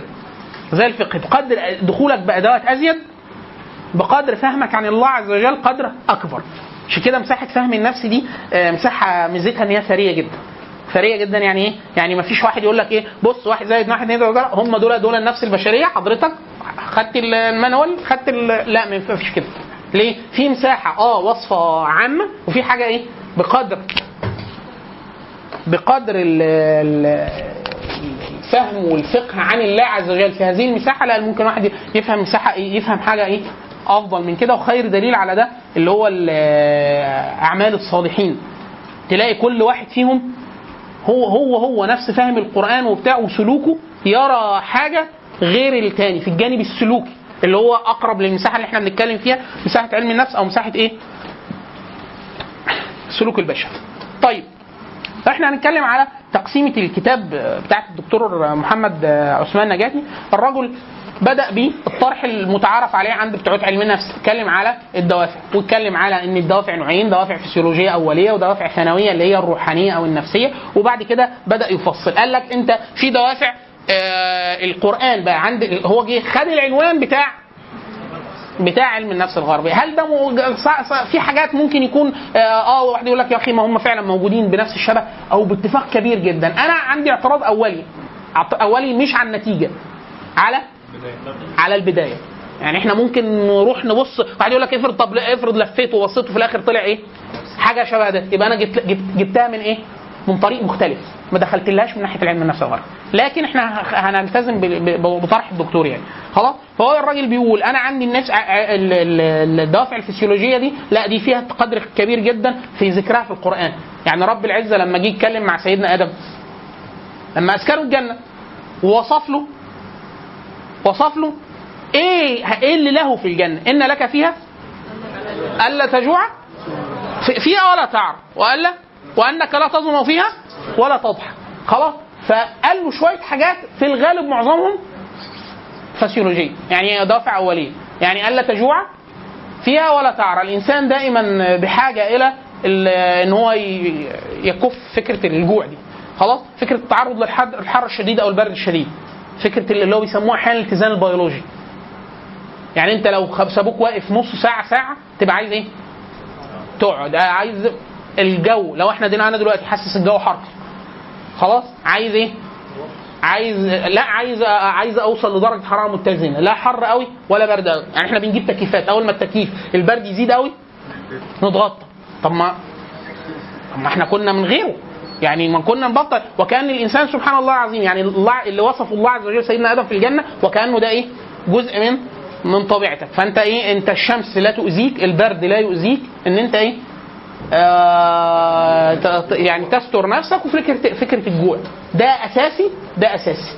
فيما فيما فيما نستطيع إن هو يذكر صراحة في القرآن على أساس إن هو من الدوافع الفسيولوجية الأساسية. واحد دافع البقاء. بتاع اللي هو الدفاع إن هو أنت عايز تظل حي. ال- الحفاظ على النوع اللي هو التكاثر أو التناسل. الدافع الجنسي اللي بيخلي الإنسان يتزوج ويبحث عن شريك للحياة من من, من النوع الثاني. آه، دوافع الأمومة والأبوة. في حاجات يعني مثلا الأم واحد يقول لك إيه بتتعلم إزاي تبقى يعني تحن على ابنها. لا ما ده يعني ده بيولوجي لدرجة إن هو يعني بعض الأبحاث بتقول إن الطفل الطفل الصغير آه، أصلا ليه ريحة ريحة مميزة بتخلي أي حد أي حد بالذات النساء آه، آه، يعني مجذوبة ليه إن هي ترعاه عشان حتى في قصص مشهورة جدا على رعاية الحيوانات لبني آدم. طفل صغير تلاقي حيوان رباه أحيانا آه، في الأساطير آه، بيبقى ذئب. أحيانا آه، آه، اسمه إيه ده معزاية. أحيانا يعني في وفي قصص فيها قدر حقيقي. فيها قدر في يعني تاريخيا تثبت في في, بعض الأماكن في العالم يعني. خلاص؟ جانب ال ال ال الأبوة وإن كان أضعف من أضعف من الأمومة. صحيح لأن الستات لو حد شاف آه، يعني إذا رب النبي صلى الله عليه وسلم لما يحب الله عز وجل محدش يقدر يدرك ذاته. لكن أقصى أقصى حاجة ممكن اللغة البشرية لعقلك أنت البشري في حدود الدنيا دي إنه يعمل لك إيه؟ يوصف لك أقرب حاجة ممكن أنت تفهم منها. أقرب حاجة. وإلا الله عز وجل كل ما خطر في بالك فالله يعني أعظم من ذلك وأكبر من ذلك وغير ذلك. خلاص؟ لكن رب الع... لما أنا عايز أقول لك رحمة الله عز وجل. أقول لك إيه؟ آثار رحمة الله عز وجل اللي انت ممكن تحس بيه. فعايز يضرب مثال النبي صلى الله عليه وسلم لما جاب سقف المثال إيه؟ ضرب مثال بالأم. اما قال الست لما هي أشفقت على ابنها فرضعته فقال لهم أترون هذه طارحة ول- ولدها في النار وهي تقدر؟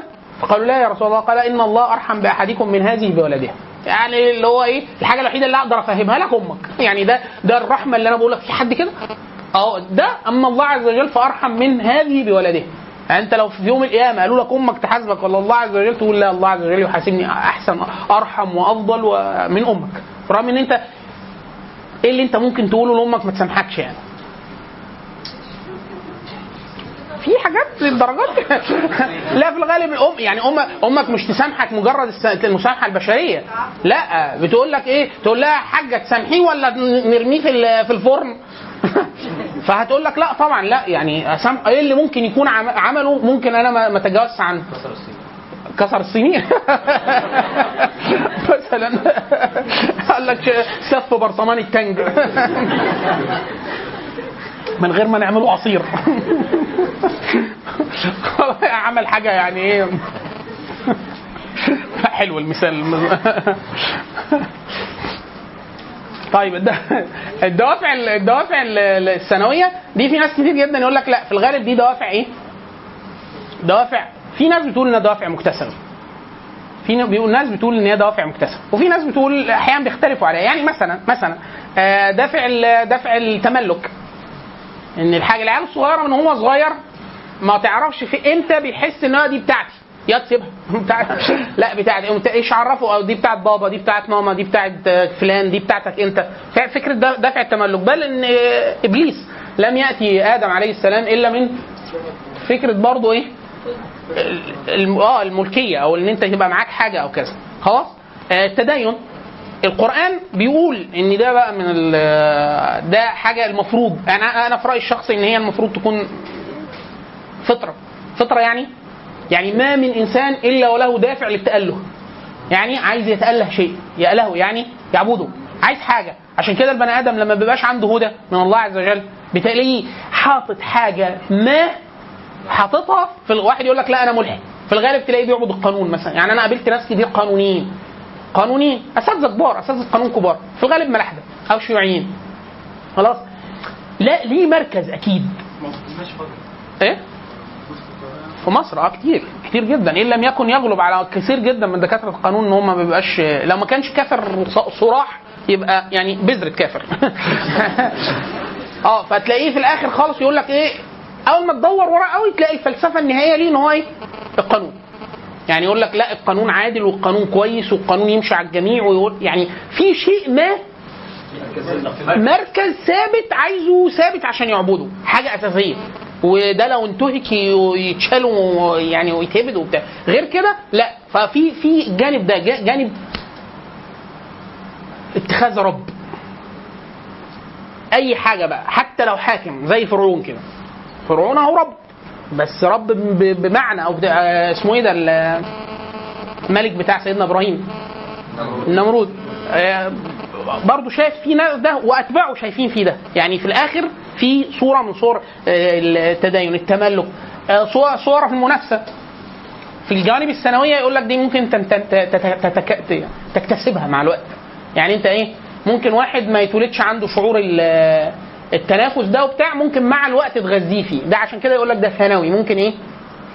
ممكن يغذى أو ممكن تتعلمه أو بتاع يعني أنا لو ما أكسبتهولكش أو ضغطت عليه آه، جامد ما ي- ما تكتسبوش. أو يبقى باهت جدا لدرجة إنه إيه؟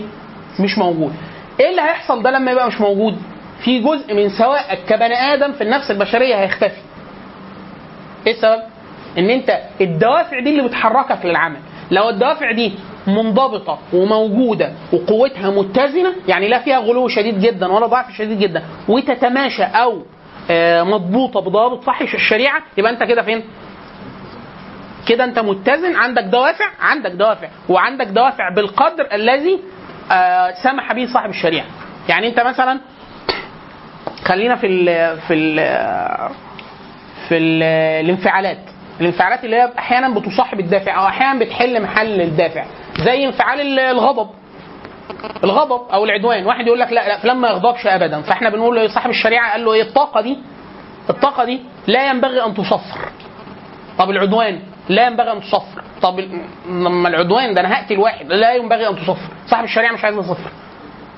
ليه؟ لأنه هو أصلا هيأمرك بقتل الكفار. ما أنا مش عايزك رحيم على طول. فيقول لك عشان كده رب العزة لما وصف النبي صلى الله عليه وسلم واصحابه في القرآن قال إيه؟ أشداء على الكفار رحماء بينهم. أنا هأمرك بالقتل وأمرك بالدفاع عن العرض وعن عن الأرض وعن الدين وعن الأمر بالمعروف والنهي عن المنكر وأحيانا عن قت- قتال البغي بينهم بين المسلمين مع بعض. واحد مسلم وباغي لدرجة إن إحنا مش قادرين نحجزه إلا بقوة. فواحد يقول لك لا أنا مسلم. يعني أنا نسمه أنا ما أقدرش اذي حد فاحنا بنقول له صاحب الشريعة لم يرد هذا. يعني صاحب الشريعة ما ارادش إيه تصوير هذا الانفعال. عشان كده إحنا دايما وإحنا بنتكلم على تربية الأطفال أحيانا وكده فيقول لك إيه أنا عايز آه طفل اصله عيب ما تضربش وبتاع. لا ما تقولوش عيب. ما تقولوش عيب. واحد يقول لك إيه خلاص أقول له مش عيب واطحن. لا ده ولا ده. أمال إيه؟ تفهموا إن إيه؟ إن هذا الانفعال في حد ذاته محمود في موقف ومذموم في موقف. فهو لو كان دفاع عن نفسه لا محمود أنا مش عايز طفل إيه؟ مش عايز طفل أي حد يضربه يتضرب أمال هيطلع يجاهد إزاي؟ خلاص؟ وعايز حد يحق الحق. لو رأى شيء حاجة ولو. وعايز بقوة يعملها. أمال الأمر معروف عن المنكر ده هيعمله إزاي؟ خلاص؟ فأنا لا عايزه هو. واحد يقول لك لا ما تضربش زميلك. لا اضرب لا ضرب. خلاص؟ أو لو واحد واحد بيأذي واحد وأنت مش طرف لا أنا عايزه يتدخل. ما يبقاش كده قاعد يقول لك أنا ماليش دعوة و... لا هم صاحب الشريعة امروا بده. فأنا لو صفرت عنده انفعال ال- الغضب واحد يقول لك لا ما تكرهش ما حد إحنا ما إحنا نحب على طول. لا إزاي؟ ده الحب في الله والبغض في الله والكره ده ده ده, ده, ده. الجانب الانفعالي ده إيه؟ يعني انفعال الحب وضده الكراهية وانفعال الغضب والعدوان وعكسه الرحمة والشفقة وال- والحنو وكذا. كل هذه الانفعالات صاحب الشريعة إيه؟ عايزها بس. بس موجهه فانت بقول لك إيه؟ اكره مين؟ اكره اعداء الله عز وجل. اكرههم عشان كفرهم حتى مش عشان مش تكرهوش. هو اللي ذاته اكره كفره. اكره سبه لله عز وجل. يعني هو كل- كافر مكذب يعني يكذب الله عز وجل ويكذب رسوله وتبعك. طب هو بيعاملني كويس وبتاع. أنا بقول لك آه، بره. بره يعني؟ يعني أحسن إيه؟ وعامله كويس وقابله كويس وسلم عليه كويس وبتاع. بس اكره مش تكرهه يعني اكرهه لسبه لله عز وجل أكن واحد بيسب أبوك. خلاص؟ ولله المثل الأعلى. خلاص؟ وهكذا. ففكرة ال- الانفعالات سواء واحد يقول لك طب طاقة الحسد. أكيد صاحب الشريعة إيه؟ مش عايزها. لا عايزها. واحد يقول لك لا الحسد. لا الحسد إلا في اثنتين. في إيه؟ في العلم. أتاه الله علم وأتاه الله إيه؟ مال. بأنهي معنى الحسد؟ اللي هو الغبطة. يعني لو تقول إيه؟ أنا لو معايا مليون جنيه كنت جبت بيهم شوكولاتة. لا أنا لو معايا مليون جنيه كنت أنفقتهم في كذا وكذا من البر في الجهاد في آه، طلب العلم في أوقاف في آه، كفاله مسلمين في فك غارمين وهكذا. ونفس الحكاية لو واحد معاه علم أو قرآن وبتاع يقول أنا كان نفسي أبقى حافظ القرآن كله أقوم الليل أصلي بالناس وأعلم الناس القرآن خيركم من تعلم القرآن وعلمه. فالقصد إن حتى الطاقة دي برضه إيه؟ صاحب الشارع مش عايز يطاق- صفريه نلتقي بعد صلاة المغرب. سبحانك اللهم وبحمدك. أشهد أن لا إله إلا أنت. أستغفرك وأتوب إليك. طيب إحنا كنا الأول ات- ات- ات- اتكلمنا يعني بدينا الكلام على فكرة الدوافع فكرة إيه؟ الانفعالات. خلاص؟ في ميزة مهمة جدا في تعامل القرآن وهو بيعرض طبيعة الدوافع وطريق طبيعة الانفعالات اللي تعرض لبني آدم. إن هو بيقول لك إيه؟ واحد في حاجات أنا مش عايزك تصفرها. مش عايزك تصفرها يعني حتى واحد يقول لك إيه لا في حاجات أكيد الإسلام عايزه يكبر. يا أخي طاقة الانفعال الكبر. أها. يعني خلاص؟ واحد يقول لا مش ع- الإسلام مش عايز يصفرها ليه؟ واحد واحد إن الانفعال ده النفس البشرية بحكم الجهل اللي فيها ميالة ليه.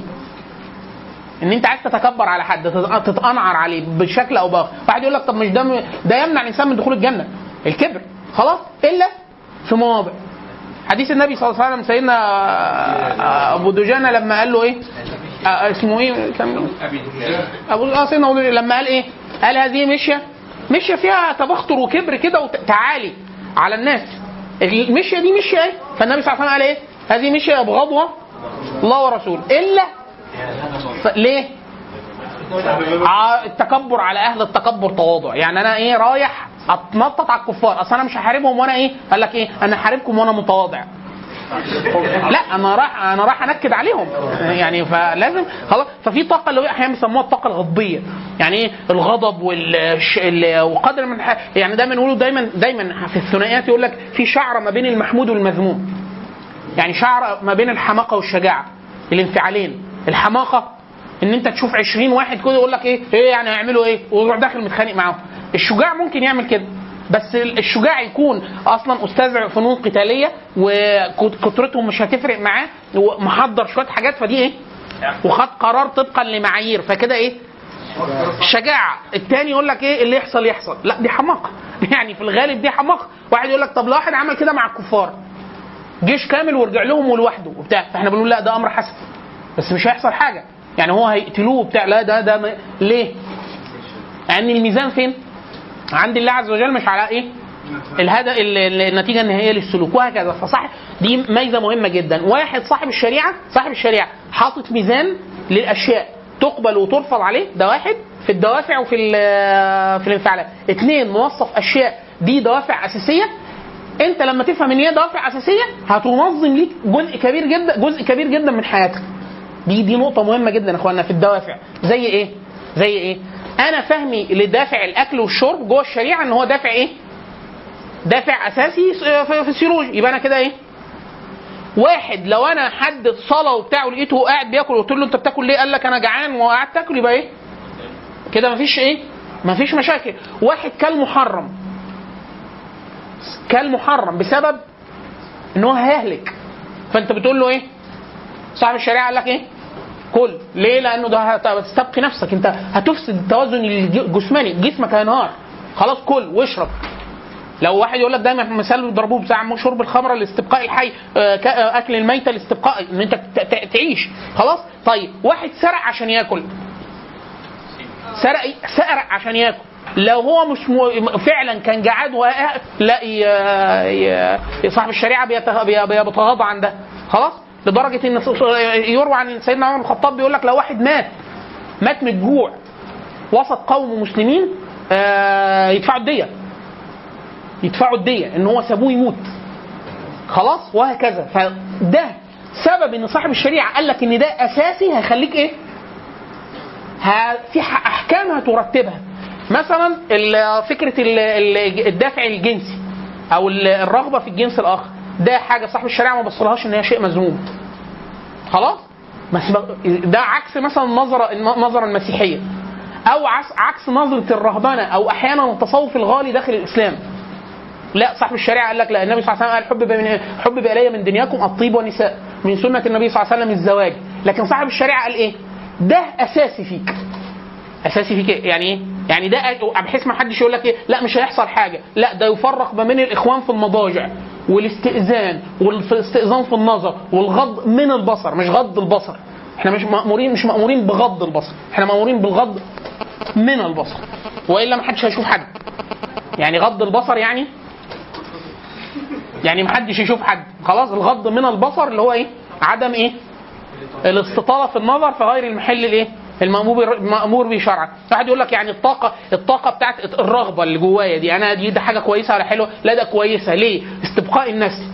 اثنين إن أنت تخلف ناس تشهد أن لا إله إلا محمد رسول الله. اثنين إن أنت تعف نفسك. ثلاثة إن دي حاجة أصلا بتعمل لك خلل في الاتزان البيولوجي بتاعك لو أنت ما فرغتهاش. أمال صاحب الشريعه عايز منك إيه؟ إن أنت حط لك حل شرعي ليها حل شرعي ليها وقال لك تسيطر عليها إزاي. خلاص؟ يعني صاحب الشريعة بيقول لك انت جعان كل ما يقيم صلبك. حلها لك. قال لك كل ما يقيم صلبك. بس ما تاكلش واحد اثنين ثلاثة أربعة لأنه ده محرم. وما تكثرش من الأكل في واحد اثنين ثلاثة أربعة. وما تاكل. حط لك شوية مجموعة آداب وكذا. كذا في النكاح. أمرك بالتزوج. عايز تتجوز واحدة اتجوزها. اثنين اتجوزهم. ثلاثة اتجوزهم. أمرك بالتسري. خلاص؟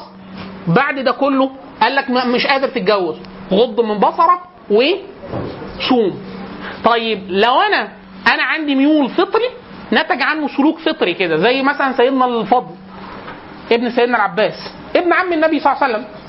النبي صلى الله عليه وسلم وهو في الموسم في موسم الموسم جات له بنت تستفتيه جت تستفتي النبي صلى الله عليه وسلم. فواضح إن هي جميلة وشها حلو فسيدنا الفضل شاب قاعد باصص. فالنبي صلى الله عليه وسلم لمحه إن هو باصص. فإيه؟ باصص اللي هو مش باصص اللي هو عدى كده بعينه لأ ده قاعد بيتفرج. فالنبي صلى الله عليه وسلم إيه؟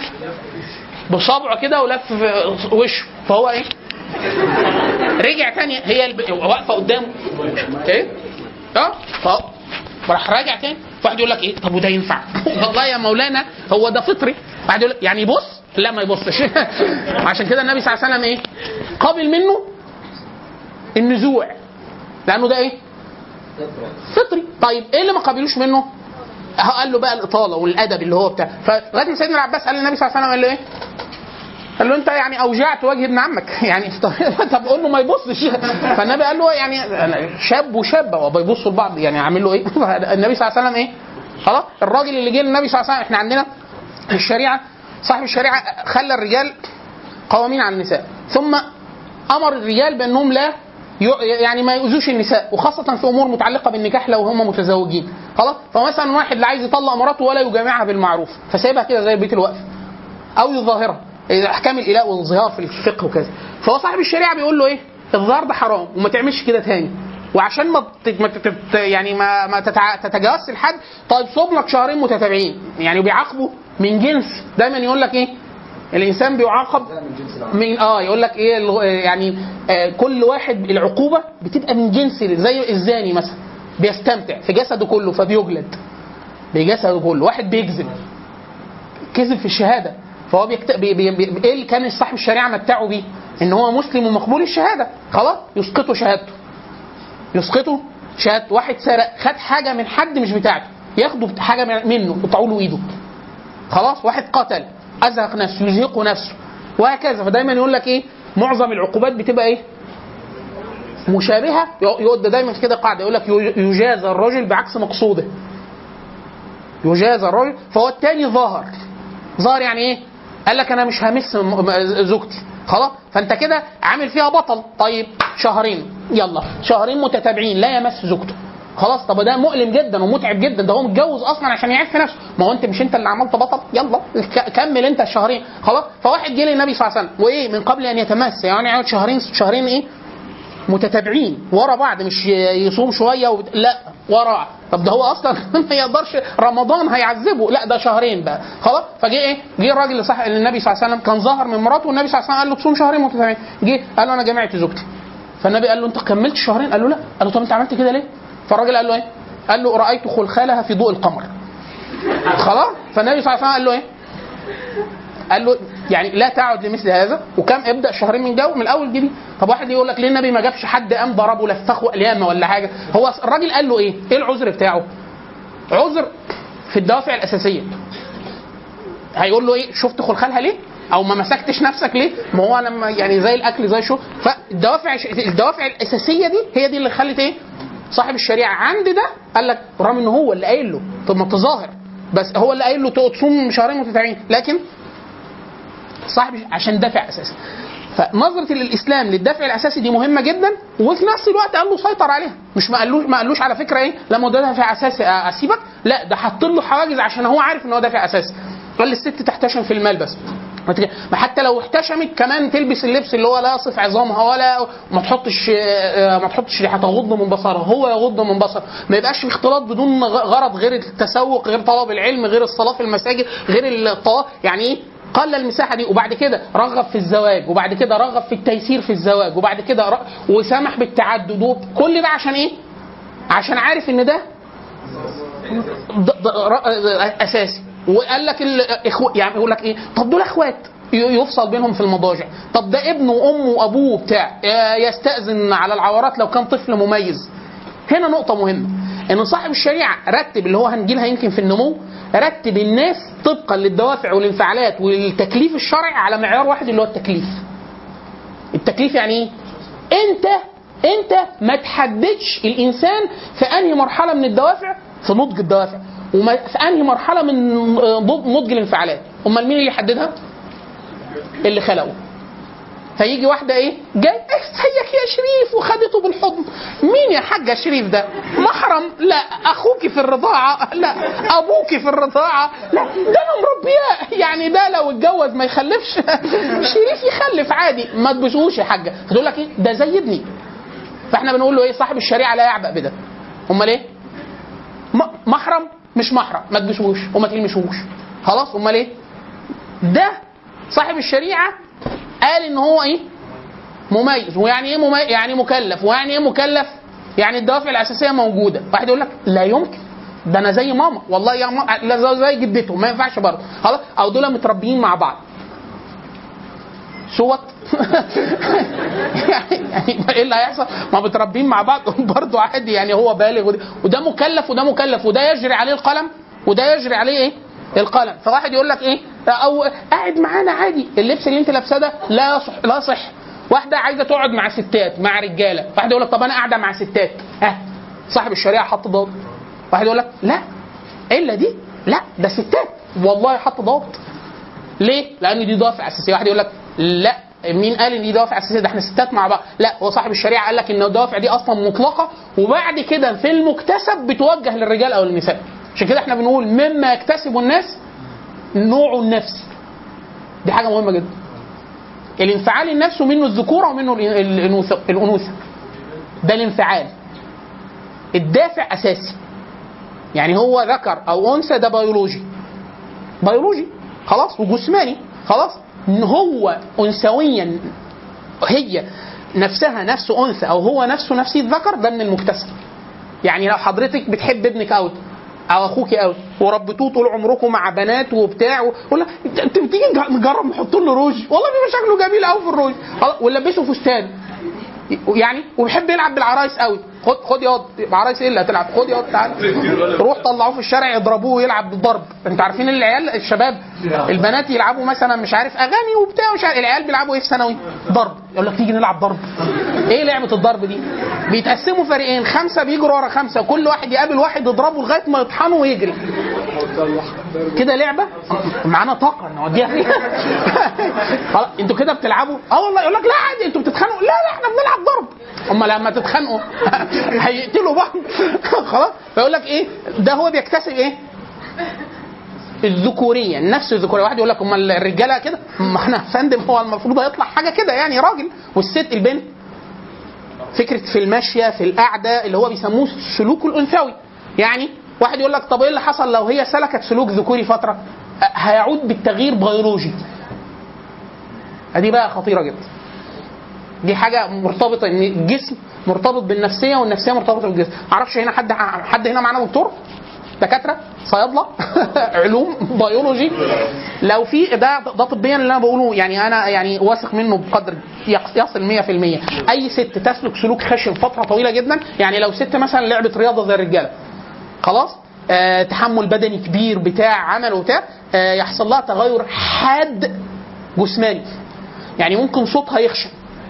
صوتها يخشن هرمونات الذكورة في جسمها تزيد ممكن تتغير أصلا فترات ال- ال- الحيض. كل ده يتغير. إيه السبب؟ بسبب إن الممارسة دي نفسيا بتاع الذكر. نفسيا بتاع الذكر. طيب اقلب.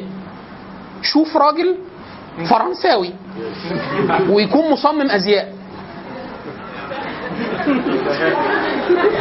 هو مين الأخت اللي هناك دي؟ قال لك مين الأخت معانا؟ فيقول لا ده راجل. هو المصحف. إيه السبب؟ لا سلوكه انثوي عشان كده أصلا فكرة ال- القرآن غريبة جدا إن القرآن تناول تناول فكرة الشذوذ. الشذوذ على أساس إن هو الدافع موجود بس موجه غلط. الدافع موجود والانفعال غلط. يعني في الناحية الثانية واحد يقول لك وده مظبوط. عشان كده صاحب الشريعة رتب أشياء. عورات الرجال للرجال وعورات النساء للنساء. واحد يقول لك إيه؟ لا ما إحنا بنات مع بعض. لا والمصحف ليها ضوابط في الفقه. فعشان كده ده يعني ده نصيحة مما يكثر جدا جدا جدا الخلل فيه ما بين الإناث بسبب إن إحنا بنات مع بعض وبسبب الذكور يقول لك ما أنت راجل هتتكسف من إيه؟ لا صاحب الشريعة قال يتكسف وصاحب الشريعة قال محرم قال الرجل لا يطلع على عورة الرجل الرجل آه، لا آه، لا يلتحف في لحاف واحد مع رجل شوية حاجات كتير حطها صاحب الشريعة مع الرجالة مع بعض. يعني إحنا كتير جدا لما كنا في اغتراب أو سكن خارجي أو ارتح- رحلة وشباب مع بعض ففي حد ماشي فكنا كن أحيانا كنا نبقى أكبر في السن أو لينا مسؤولية أدبية عشان فنقول له خد تعالى تعالى. يقول له ارجع البس حاجة يقول لك إيه إحنا كلنا رجالة مع بعض فأقول له لا صاحب الشريعة ما قالش كده حرام. أنت بتستر نفسك. خلاص؟ أو أو يجي واحد يقول لك الشتاء. شتاء ومبيت معسكر وبتاع. فيقول لك إيه؟ فنقول لهم لا افصلوا ما فيش اثنين اتغطوا ببطانية واحدة مع بعض. فيقول لك لا ما فيش حاجة. يقول لك اتصرفوا. ليه؟ صح أما النبي صلى الله عليه وسلم قد نهى عن ذلك. واحد يقول لك ليه كده؟ صاحب الشريعة الشيء اللي هو سماه دافع أساسي رتب له أحكام. أحكام وأداب. أحكام وأداب. بل إحنا مما يكثر جدا يعني الحاجة دي مثلا في الطابع الثقافي بتاعنا في مصر للأسف. والعرب. النبي صلى الله عليه وسلم قالوا له الرجل يقابل الرجل يقبله قال لا. قال يصافحه قال نعم. خلاص؟ يعانقه لو جاي من سفر إيه ده؟ طب ليه؟ ليه؟ آه ما أنا بقول لك يعني في حاجات بسبب العرف العرف الث- الثقافي عند العرب كلهم المصريين. إحنا أخف من غيرنا. الفلسطينيين حاجة طين. آه اللي- حد حدش يعرف ياسر عرفات. كان عنده مشكلة كبيرة جدا مع رؤساء الدول الأوروبيين. الأوروبيين ما بيحبوش أصلا الرجالة حتى أصلا تفهم عندهم داخل في السياق الغربي شذوذي. خلاص لو راجل لو راجل مثلا ماشي مأنجج راجل في شارع في أمريكا لا كده فضيحة. خلاص؟ إن هو يبص ست عادي انتكاس في الفطرة لكن ده مش عادي. لكن الشاهد الشاهد إن في فكرة الدوافع ال- ال- الأساسية. صاحب الشريعه رتب عليها أحكام مع الرجال ورتب. ده يتعرف فين؟ في الفقه. وكأنه الفقه وكأنه الفقه. الأحكام والضوابط والضابط لعدم قيود أو لكيفية السيطرة على الدوافع والانفعالات بس من قبل صاحب الشريعة اللي هو خلق هذه النفس البشرية. خلاص؟ ده جانب مهم جدا جانب مهم جدا. الجانب بتاع الانفعالات ان صاحب الشريعة قال لك في حب. خلاص؟ إيه الحب ده؟ قال لك ده حب مكتسب تكتسبه عشان كده أمرك إيه؟ قال لك زوده قلله ورتب عليه أحكام. مساحه الحب اللي هي أول درجات الحب. خلاص؟ فأنت مأمور إن أنت تح- تح- تحب الله ورسوله. تحب تحب الله وتحب الرسول أكتر من نفسك ومن أبوك ومن أمك. خلاص؟ وبعد كده وتحب زوجتك وتحب أبوك وتحب أمك وتحب أخوك في الله. خلاص؟ في درجات معينة وقال لك إيه؟ ورتب عليه أحكام. يعني إيه رتب عليه أحكام؟ يعني أنت بغضك للكافر عليه أحكام. حبك للمؤمن عليه أحكام. حبك لأخوك في الله. حب بدون أي غرض دنيوي لله. في مسألة تانية حطها بره سلطتك. لو درجة معينة من الحب الأحيان تصل للعشق لا ما صاحب الشريعة لا يرتب عليه أحكام. إزاي؟ يعني زي أنت لو تسمعوا عن مغيث مغيث وبريره مثلا اللي هو مرحلة اللي هو مغلوب. مغلوب يعني إيه؟ واحد يقول لك إيه؟ الراجل ده يعني حديث مغيث وبريره إن هو كان واحد متجوزها وهي بتبغضه فطلقها. لكن هو درج إن هو مش بيحبها. درجة الحب دي هي درجة ممكن التحكم فيها. يعني ممكن واحد يحب واحد وممكن يكرهه. وممكن يحبه وما يتوقف عن حبه. لكن العشق مسألة بتغلب على القلب لدرجة إن هو من ده من جزء من نص صاحب الشريعة إن هو إيه؟ مش قادر. مش قادر يعني خارج القدرة بتاعته. خلاص؟ عشان كده حتى كثير جدا من السلف كانوا يستعيذوا من العشق. عليها حاجة حرام. لا, لا ما يترتبش عليه حق محرم. يت... في مساحة لا لا لا يح... يعني صاحب الشريعه ما يقولوش إيه؟ ما تحبهاش. اللي هو الح- الحب العشق اللي هو الدرجة الثانية ما يقدرش. ليه؟ هو مغلوب. النبي صلى الله عليه وسلم لما شاف مغيث يتتبع بعد ما طلع ده راجل راجل وبيبكي وماشي وراه. عايز أت... عايز عايز يرجعها عايز يتجوزها تاني.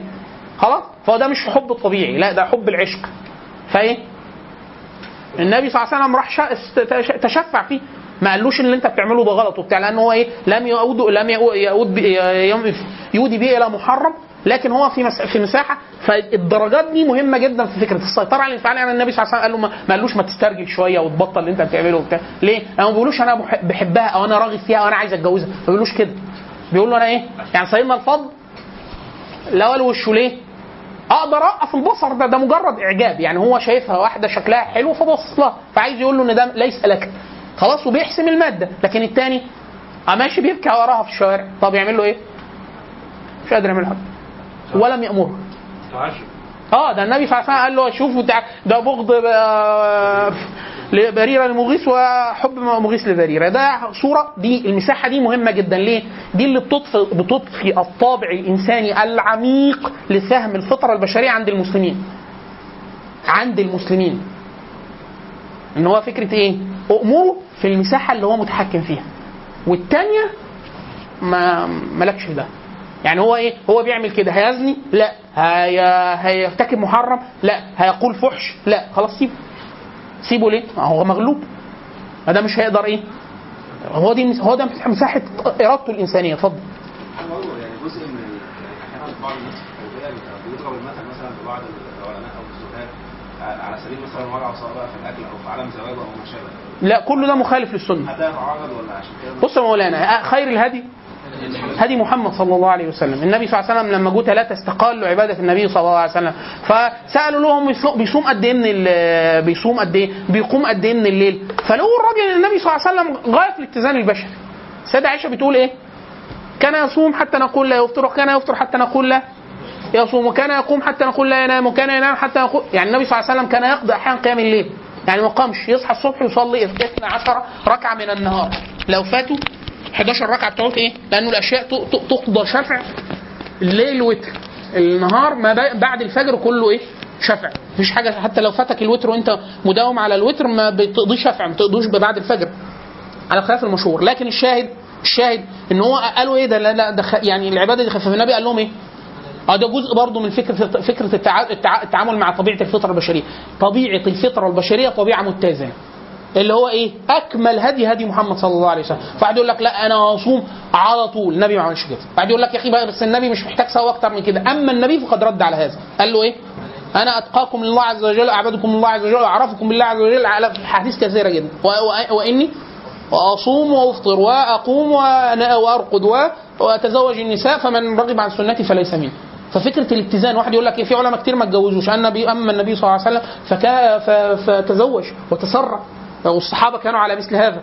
آه، يقول لك إيه؟ لا أنا عايز أصوم على طول وبتاع. لا ما ينفعش. ما ينفع. واحد يقول لك خلاص أنا أنا أنا عازب ومش لاقي أتجوز. أصوم على طول. برضه ما تصومش على طول. ليه؟ عشان ما تؤذيش جسد. يوم ويوم. أقصى حاجة ده لو قدرت. يوم ويوم. صوم داوود والنبي صلى الله عليه وسلم برضو نصح سيدنا عمرو بن عبد الله بن عمرو بكده. ال- واحد متزاوج ويقول لك أنا زاهد وبتاع متجوز وسايب مراته كده. النبي سيدنا نصيحة النبي صلى الله عليه وسلم سيدنا عبد الله بن عمرو بن العاص وسيدنا سلمان ل- آه، أبو الدرداء. قال له إيه؟ آه، جه يقوم قال له ارقد. جه يقوم قال له ارقد. جه يقوم قال له ارقد. وبعد كده قال له إيه؟ الان قم فصلي. وبعد كده جه قال له صايم قال له لا تفطر. جاي له ضيف وبتاع. وبعد كده لما شكت مرات مرات سيدنا أبو الدرداء وهو كان أخو سيدنا ابو أبو اخو أخو سيدنا سلمان أو أخ النبي صلى الله عليه وسلم بينهم في الإسلام. فاشتكت له. اشتكت له. قالت له ده ما يعني مش بتاع جواز وبتاع ده قاعد مت- متعبد. يعني ربنا قوي إيمانه. طب وما اتجوز ليه؟ ما هو سبحان الله العظيم ده جزء من طبيعة الفطرة البشرية. جزء من طبيعة الفطره البشرية وانت متجوز ليه؟ خلاص فسيدنا سلمان قال له إيه؟ قال له إن لبدنك عليك حق. ده دافع ده دافع أساسي فسيولوجي إن لبدنك عليك حق وإن لزورك عليك حق. دي اللي إحنا بنسميها أحيانا الدوافع الدوافع الاجتماعية. العلاقات دي مأمور بها شرعا. بل جزء كبير جدا من علاقات الإسلام مبنية على الانفعالات اللي هو أحيانا بيسموه الذكاء الاجتماعي. خلاص اللي هو انفعال انفعال اجتماعي يعني تقابل واحد تسلم عليه يقول لك بس أنا مش ما فيش علاقه أن تلقي السلام على من عرفت ومن لم تعرف جزء منها العلاقات دي فقال له ان لبدنك عليك حق وان لزورك عليك حق وان لزوجك عليك حق هم مراتك دي قاعدة إيه ما ملهاش حقوق دي عليها حقوق ليها لها حقوق. والعكس برضو انت لك حقوق. وهكذا. فهي فكرة الاتزان دي من أهم تعامل آه، تعامل. لا المرض لا التعامل المرضي مع النفس البشرية ولا التعامل الإيجابي قوي مع النفس البشرية ولا التعامل الشكوك الشكوكي الاستقذاري. يعني المسيحية بتحسسك ان الطاقة الجنسية دي طاقة مستقذرة. أما النبي صلى الله عليه وسلم فيقول لك ده اللي بيتجوز وبيعامل مراته معاملة حسنة وبتاع وبياخد صدقة على الجماع وكذا. هو قاعد يقول لك هو الصحابي قال له كده قال له الواحد يأتي منا شهوته ويثاب قال له ترى ارايت إذ وضعها في. في الحرام. يعني هو إيه ده دافع أساسي. فيحط في حلال يا في حرام. يزني ولا يتجوز؟ يتجوز. كل طبيعة الجواز دي كلها العملية كلها يضحك مع مراته ياخد ثواب يشربها ياخد ثواب يعاملها كويس مع ياخد ثواب والعكس هي تعامله كويس وهكذا كل العملية أصلا داخلة في إيه؟ في مساحة إيه؟ التعبد وده أهدى شيء للفطره البشريه. خلاص؟ فلا الزهد المطلق ولا ترك الزواج ولا أكل يعني كل طرف الأ- طرفي طرفي الأمر مذموم. واحد ياكل كتير مذموم. يقلل جدا من أكل درجة يؤذي بدنه مذموم. النبي صلى الله عليه وسلم كان بياكل كل شيء يعرض ليه بالقدر. لدرجة إن في ناس كان يقول النبي صلى الله عليه وسلم يأكل يعد ممكن تتعدل له 11 لقمة ولا حاجة في الوجبة. خلاص وكان النبي صلى الله عليه وسلم يأكل ما يقيم صلبه لكن يأكل ما يعرض له. خلاص؟ اتفضل.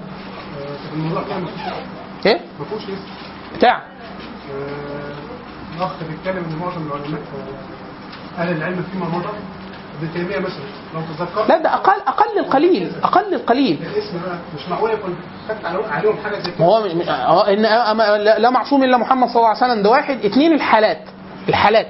ما يعرض للناس. يعني في واحد يعني مثلا شيخ الإسلام ابن تيمية. مثلا واحد أول حاجة كان فقير. واحد كان فقير. اثنين كان وقته لما تشوف تراجمه كان وقت إيه؟ مشكل جدا. صراع طائفي مع فرق وجهاد وبتاع ومش عارف إيه. طيب كام واحد من علماء وقت شيخ الإسلام ابن تيمية؟ في قيمة ابن تيمية اتجوزوا؟ كلهم. فابن تيمية حالة. عشان كده من يعني رحم الله الشيخ بكر أبو بكر أبو زيد الله يرحمه شيخ الشيخ السعودي الشيخ بكر كان قاضي في المدينة قديما آه، لما الشيخ عبد الفتاح ابو غده رحمه الله الحنفي ألف كتاب اللي هو آه، العلماء العزاب. اللي هم ما اتجوزوش فجمعهم في كتاب الشيخ بكر أبو زيد رد عليه. قال هذا الجمع قد يغري أو يفهم بعض الناس إن هذه ده منتشر أو كثير وده مش حقيقي من الناحيه الإحصائية. وإلا لو إحنا هات لي صحابي تسمع بيه إن هو ما اتجوزش. أنا مش هقول لك هات لي صحابي ما اتجوزش اثنين وثلاثه وأربعة. لا ولا تسرع معاهم. لا أنا أقول لك هات لي صحابي ما اتجوزش. إيه؟ كام واحد ده؟ ده واحد؟ سيدنا جلابيب ما اتجوزش؟ اتجوز ولا ما اتجوزش. ده بيعد عليه. لا اتجوز مطلق السنة. افرض أنا نويت اتجوز نويت اتجوز ومت قبل ما اتجوز. ما أنا كده خلاص يعني إيه؟ قصدي إيه؟ ان هي السنة موجودة. خلاص؟ فلا لا ده ده ده, ده مش مش ده الأصل. وإلا كل حاجة ليها ليها استثناء. يتجوزوا آه، ليس زهد. يعني ممكن يكون ظروف. ممكن ممكن. الإمام النووي أول حاجة توفي صغير. وهو قال إن أنا لو تذكرت فعلت. واحد وعلى فكرة على فكرة. وأما هدي النبي صلى الله عليه وسلم فأكمل الهدي. يعني النبي مين هيكون مشغول أكتر من النبي؟ من ناحية العبادة والعباده والسلوك وال- ووحي وقتال وكذا وبتاع مش بيطلب علم بس. يعني الإمام النووي مشهور بالعلم. كان بيدرس 12 فن في اليوم الواحد. خلاص؟ بعد يقول لك كان مشغول. يعني هيكون أكتر مشغول أكتر من النبي؟ خلاص؟ فاحنا بنقول أهم اتزان هو اتزان النبي صلى الله عليه وسلم. شيء يعني مثلا يا إخوانا مش كويس إن هو فتح ده فكرة الاتزان في الانفعالات وفي الدوافع من أهم صفات الإسلام في التعامل مع النفس البشرية إن هو لما بيخلكش تروح لا كده ولا كده. يعني لا أقصى ده ولا أقصى ده. واحد يقول لك إيه؟ طب أنا عايز طول الوقت أتعبد وأتفكر في الله عز وجل وبتاع. النبي قال له إيه؟ ساعة وساعة. مش هتقدر تعمل ده كله على طول ولا أنت مأمور بيه. خلاص واحد يقول لك طب ده واحد عمله. عكس عكس الاتزان النفسي. يعني النبي صلى الله عليه وسلم في واحد أرضى بقضاء الله عز وجل من النبي صلى الله عليه وسلم. في واحد أصبر لله عز وجل. في واحد قد ممتلئ بالايمان أكثر من النبي صلى الله عليه وسلم. في واحد عارف طبيعة الحياة وطبيعة النفس البشرية وطبيعة الموت أكثر من النبي صلى الله عليه وسلم. والنبي صلى الله عليه وسلم لما كان سيدنا إبراهيم عليه السلام ابن النبي صلى الله عليه وسلم وهو يجود بنفسه بين يدي النبي صلى الله عليه وسلم فبكى عليه. بكى عليه وقال إن العين لا تدمع وإن القلب لا يحزن ولا نقول إلا ما يرضي الرب وإن لفراقك يا إبراهيم لا يحزنون فسيدنا عبد الرحمن بن عوف قال له يا رسول الله قد نهيت. هو فهم سيدنا عبد الرحمن بن عوف إن النبي نهاهم عن البكاء. فالنبي قال له لا أنا ما نهيتكش عن البكاء. واحد مات له ميت ابنه. طبيعة الفطرة البشرية اللي هو الدافع الأساسي بتاع الأبوة إن أنا أحزن عليه. ده أنا لو مربي قطة وماتت هبكي عليه. آه والله مش مش حاجة حية كنت أنا بعطف عليها وهي بتعطف عليا وبتاع. في علاقة تخيل أبوه. والنبي صلى الله عليه وسلم من أكمل يعني هو أكمل القلوب البشرية. فليه ما يحزنش على ابنه؟ بس قال له إيه؟ الضابط. قال له ولا نقول إلا ما يرضي الرب. هي الفكرة إن أنا أنا لا أقول في الحزن ولا في في الفرح إلا ما يرضي الله عز وجل. ده الاتزان النفسي. في ناس من السلف لما ابنه مات يقولوا اغتسل ولبس لبس جديد وبتاع ووزع حاجات وبتاع. فقال أنا أرضى بقضاء الله عز يعني انا ربنا اختار ده وأنا اختياري كان انه يقعد. فأنا أحب ليه اختيار لا ده مش أكمل رد فعل. رد فعل النبي صلى الله عليه وسلم أن يحزن على ابنه. ده الطبيعي يا أخي. يعني ده الط- الطبيعي. الطبيعي إن هو إيه؟ آه في واحد يقول لك آه، يعني مثلا الواحد يزهد مثلا في موضوع النساء هي واحدة كفاية وبتاع فنقول لا ده مش ده الاتزان البشري. وإلا ما كانش رب العزة رتب رتب جزء من نعيم الجنة الحاجات اللي هو كانت مهكر عليها ال- الرجال. من عدم الزنا مثلا وعدم الإكثار من العلاقات الجنسية خارج الزواج. إيه؟ الاسم نفسه لا الاسم أنا لا أرتب أشياء ده عند الله عز وجل هو لو كان آه، ده يعني عمله كده تعبدا أو لا لكن أنا ما أقدرش أعممه. يعني الأصل إن ده الشاذ. ان ده مش طبيعي. في موضوع البكاء يا باشمهندس آه، سيدنا الاحنف بن قيس. أنا بقول لك أي مثال هقيسه على النبي صلى الله عليه وسلم. هو ده, ده لا لا لا الاسم ده عند الله عز وجل. لا إحنا بنتكلم على الهدي مش الاسم. الاسم عند الله عز وجل. يعني الله عز وجل هو اللي يقول ده مآثم ولا مش آثم أو هو يجازيه بإيه؟ أنا بتكلم على كمال النفس البشرية. زي واحد يقول لك إيه؟ أنا متجوز طول الوقت آه مثلا بطلب علم وفي الذكر وفي القراءة وفي مش عارف إيه وبتاع. خلاص؟ طب إحنا بنقول له يعني سيدنا حنظلة لما قال للنبي صلى الله عليه وسلم يعني نكون عند النبي صلى الله عليه وسلم ده عايش مع النبي والنبي هو اللي بيوعظه وبتاع وبيتنزل الوحي ما بينهم وبتاع. ده لما بيرجع البيت بيقعد مع مراته بياكلوا ويشربوا ويهزروا ويلعب مع عياله وبتاع يقول لك وده ينفع؟ يا مولانا هو مفيش غير كده اللي ينفع. بعد يقول لك يعني أرجع ألعب مع العيال وأقعد مع وأنا مراتي ونقعد نتهايف كده. آه الهيافه دي هتاخد ثواب. يعني إيه؟ آه يعني آه آه، لو هو قاعد يلعب معاها ولا يتكلموا مع بعض ولا يجيبوا عياله ده هياخد ثواب. آه ده هياخد ثواب يدخله الجنة. ده يدخله الجنة. فعشان سيدنا حنظلة لما قال النبي صلى الله عليه وسلم قال له نافق حنظلة. فقال له إحنا نكون عند يعني عند النبي صلى الله عليه وسلم فيذكرنا بالجنة والنار. فإيه؟ خلاص أكننا نرى الجنة والنار راي عين فإذا انقلبنا إلى آه، آه، إيه الواحد بينسى أكيد. قدر الاستحضار ده. خلاص؟ فما بيبقاش قاعد طول الوقت أكنه شايف الجنة والنار. لو هو قاعد طول الوقت أكنه شايف الجنة والنار ده لا هيهزر مع مراته ولا هيلعب مع عياله ولا هينكته ولا هيهزره ولا مش هيعمل حاجة. طب ما ده ده ده يطاق ده. هيبقى صعب جدا. سؤالك.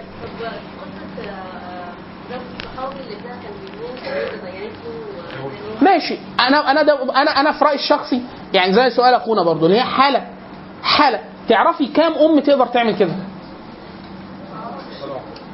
كام أم تقدر تعمل كده؟ حاجة حاجة حاجة صعبة جدا يعني. لكن هي الفكرة في إيه؟ إن إحنا بنقول ده في ناس تقدر واحد واحدة. اسمعي غير كده حالة واحدة. لكن بقية الناس الطبيعي إن هو يحزن كما يحزن الناس. حتى الصحابي قال له إيه؟ وكنت رجل اسيف ياسف كما آه، بني آدم. يعني أي حد بني آدم لو حاجة اتكسرت له هيزعل حاجة مش اتقطعت له هيزعل عيل وقع ده ده النبي صلى الله عليه وسلم لما وصف ال- البنوه الابناء خلاص؟ الأبناء الأبناء موصوفين في القرآن من الانفعالات الأساسية. حب ال- الذرية حب الأولاد. ده من الحاجات اللي أصلا في يعني الحاجات الانفعالات الأساسية الحب. وبالذات حب إيه؟ حب حب النساء وحب الأطفال. خلاص؟ طيب النبي صلى الله عليه وسلم لما جه يوصف الطفل قال إيه؟ الولد. قال إن الولد مجبنة مجهلة محزنة مبخلة. أو مجهنة مبخلة محزنة مجهلة. الولد. ليه؟ الولد مبخلة. هو النبي وصفه بالانفعال الطبيعي. إن أنت لما يكون عندك ولد إيه؟ تطلع فلوس صدقة. ولا تقول إيه؟ طب ما أنا أخليهم يمكن الواد يعيا. طب مش عارف. خلاص؟ مبخلة. مجبنة. لو أنت هتقول قول الحق ولا تنزل مظاهرة ولا مش عارف إيه. تفكر تقول طب والعيال؟ طب مش عارف إيه يخليك إيه أو هتجاهد تقول طب مين يكفلهم بعدي أو بتاع. و مجهلة. آه، مجهلة يخليك انت تطلب العلم. ولا بتاع تقعد إيه ممكن تسعى للرزق على الأولاد وبتاع. فما واحد يقول لك أنا طول عمري نفسي أحفظ القرآن الكريم. والواد البتاع ده قاعد معايا في البيت رايح جاي معاه على دروس وبتاع مش مديني الوقت ولا عايز أطلب علوم شرعية ولا فقه وكذا مع الأمهات. خلاص؟ ومحزنه إذا أصيب بشيء أو مات أو كذا أدخل الحزن على قلب أبي وامي فده آه، ده, ده وصف النبي صلى الله عليه وسلم. للاشياء واحد يقول لك إيه؟ لا أنا ما لا ما ما, ما لا الطبيعي إن هو ده إيه، ده ده يعرض دي الانفعالات الأساسية المرتبطه بحبك للأطفال. سؤالك.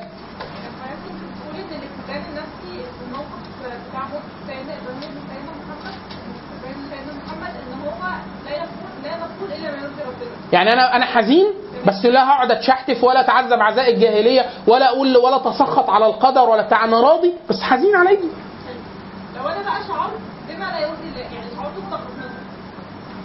ما هو ده بقى العمل القلبي. عشان كده بصي في حاجتين. في مساحة في السلوك في السلوك. دي صاحب الشريعة بيت... بي... بي... بي... بيتجاوز عنها. اللي هو الإنسان يقول عرضا كده وهو في الحزن. وبالذات في الموت. حديث النبي صلى الله عليه وسلم النبي صلى الله عليه وسلم مر على امرأة ق- واقفة على قبر مات لها ابن. خلاص؟ فهي واقفة إيه؟ بتقول كلام وكأنها يعني إيه حزينة عليه. فالنبي صلى الله عليه وسلم قال لها يا أمة يا أمة الله إيه، اصبري واحتسبي فقالت له إيه؟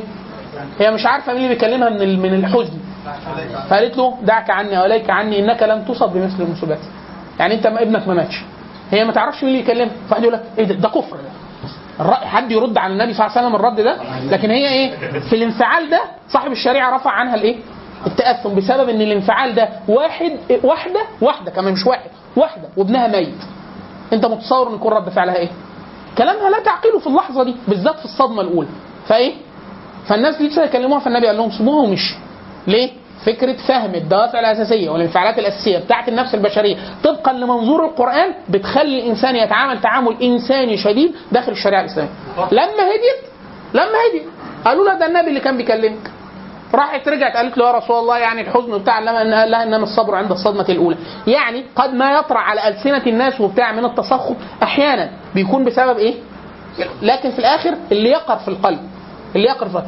لو تطابق الاثنين مع بعض حاجة عظيمة جدا. حديث النبي صلى الله عليه وسلم لما قال آه، في- في الحديث القدسي معنى الحديث إن ال- ال- ال- الله عز وجل إذا أمر ملك الموت فقبض آه، طفل من أطفال المسلمين حد فيقول له إيه؟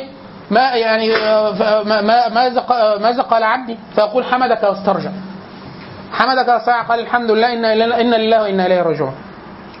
هي مصيبة أصابته. بس إيه؟ هو حامد شاكر صابر على ما أصابه الله عز وجل من بلاء. فيقول يعني ح- حمدك ف- هم في الأول الحديث يقول يعني أخذتم فلذة آه، كبد عبدي. ده ده حب شيء ليه في الدنيا ابنه ده.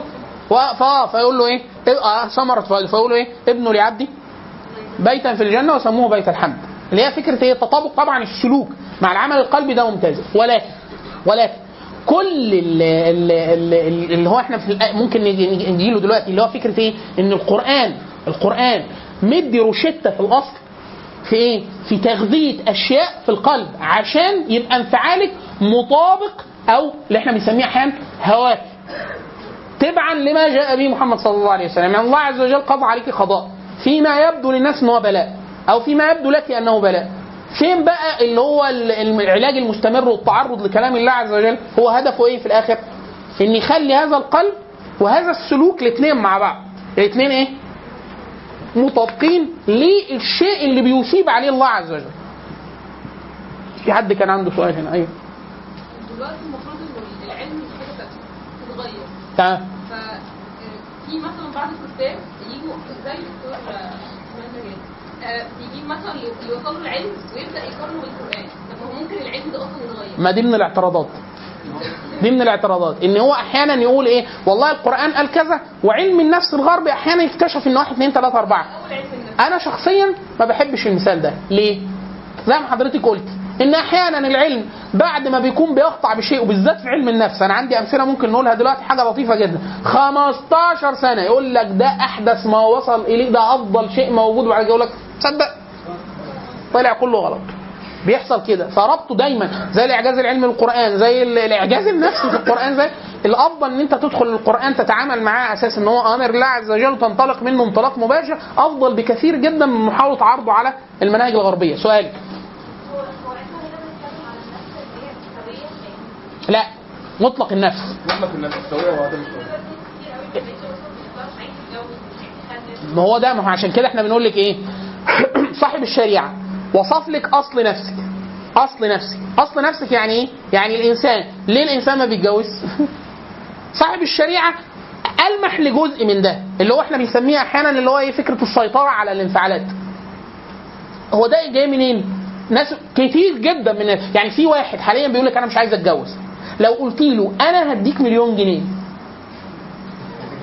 الشقة عليا والعربية عليا والعفش عليا والذهب عليا ومش عارف إيه والغساء. كل حاجة هنجيبها لك. ونديك فلوس ليه ده مش هتجوز؟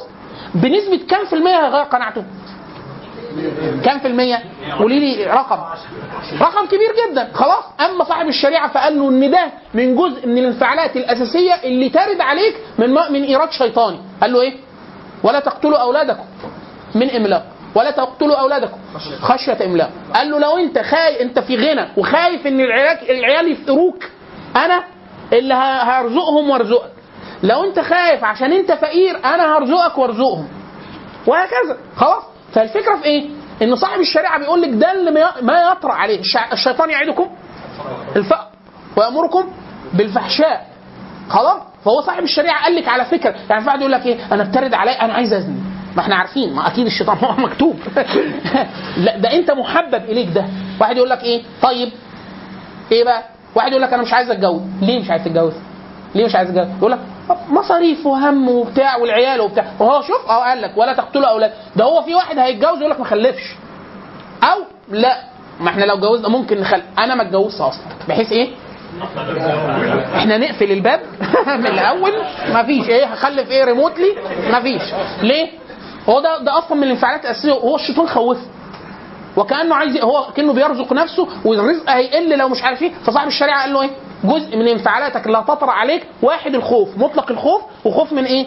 خوف من واحد خوف الجهاد أنت مش هتخاف من القتل وخوف من الألم ومن الضرب وخوف من إن أنت تفقد أطرافك وخوف من مش عارف إيه وخوف إن أنت تنفق أموالك وتخسرها وفي الآخر تخسر في الحرب وما تكسبش. وخوف من ال- على العيال وخوف على النفقة وكل ده ثم أمنك. عشان كده صاحب الشريعة قال لك إيه؟ أن يكونوا فقراء. يعني أنت إيه واحد يقول لك إيه طب هتج- هتجوز وهو فقير. أو أنا أتجوز وأنا فقير.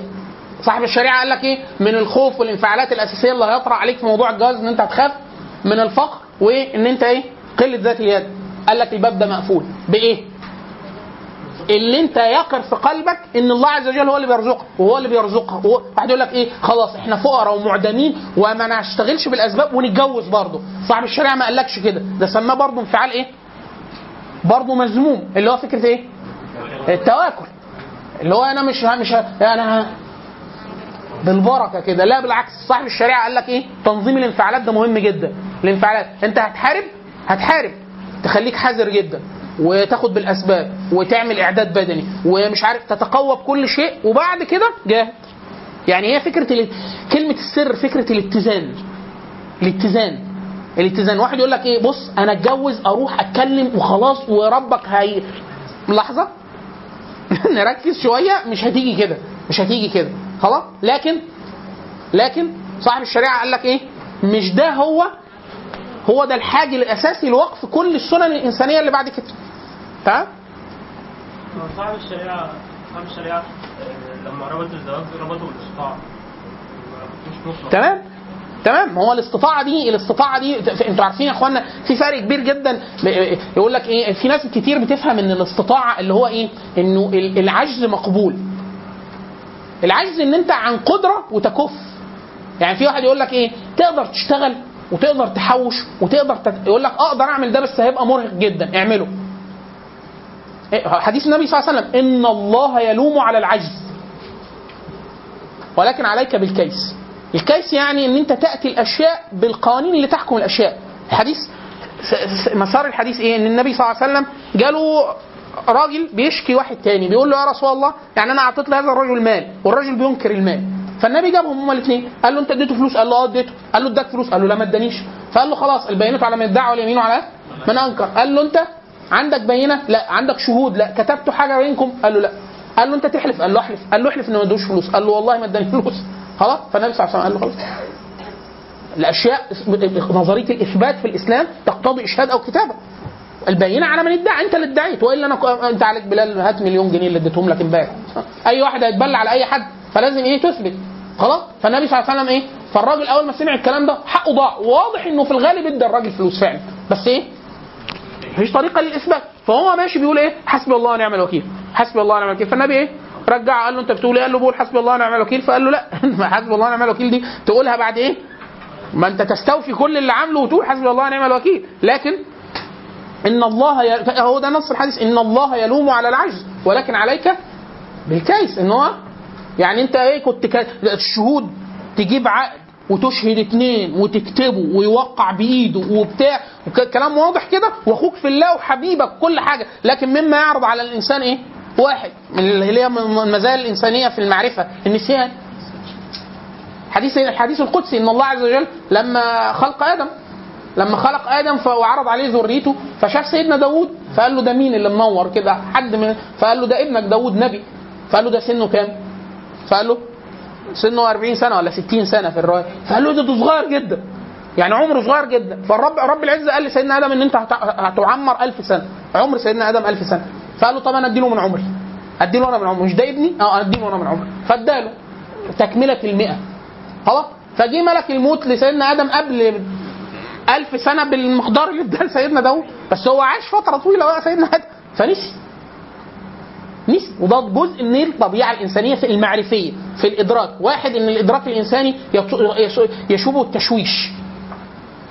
ودي ممكن نقولها دلوقتي. يشوبه التشويش. اتنين هو ممكن ينسى. إنه فقال له إيه؟ قال له أنت جاي ليه؟ قال له هقبض روحك. قال له لا أنا ربنا أنا لسه باقي لي 60 سنة أو 40 سنة. أنا ربنا قايل لي إن أنا 1000 سنة. فقال له أنت مديت لابنك داوود؟ قال له أنا مش فاكر.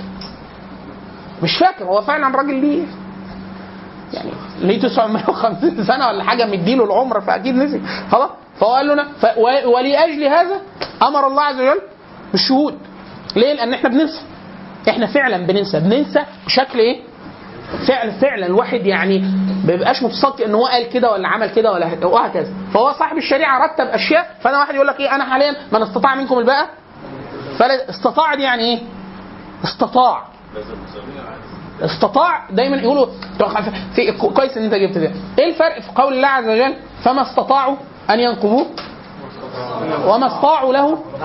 لا. فما استطاعوا فما استطاعوا أن يظهروه وما استطاعوا له نقبة. إيه الفرق بين استطاعوا واستطاعوا؟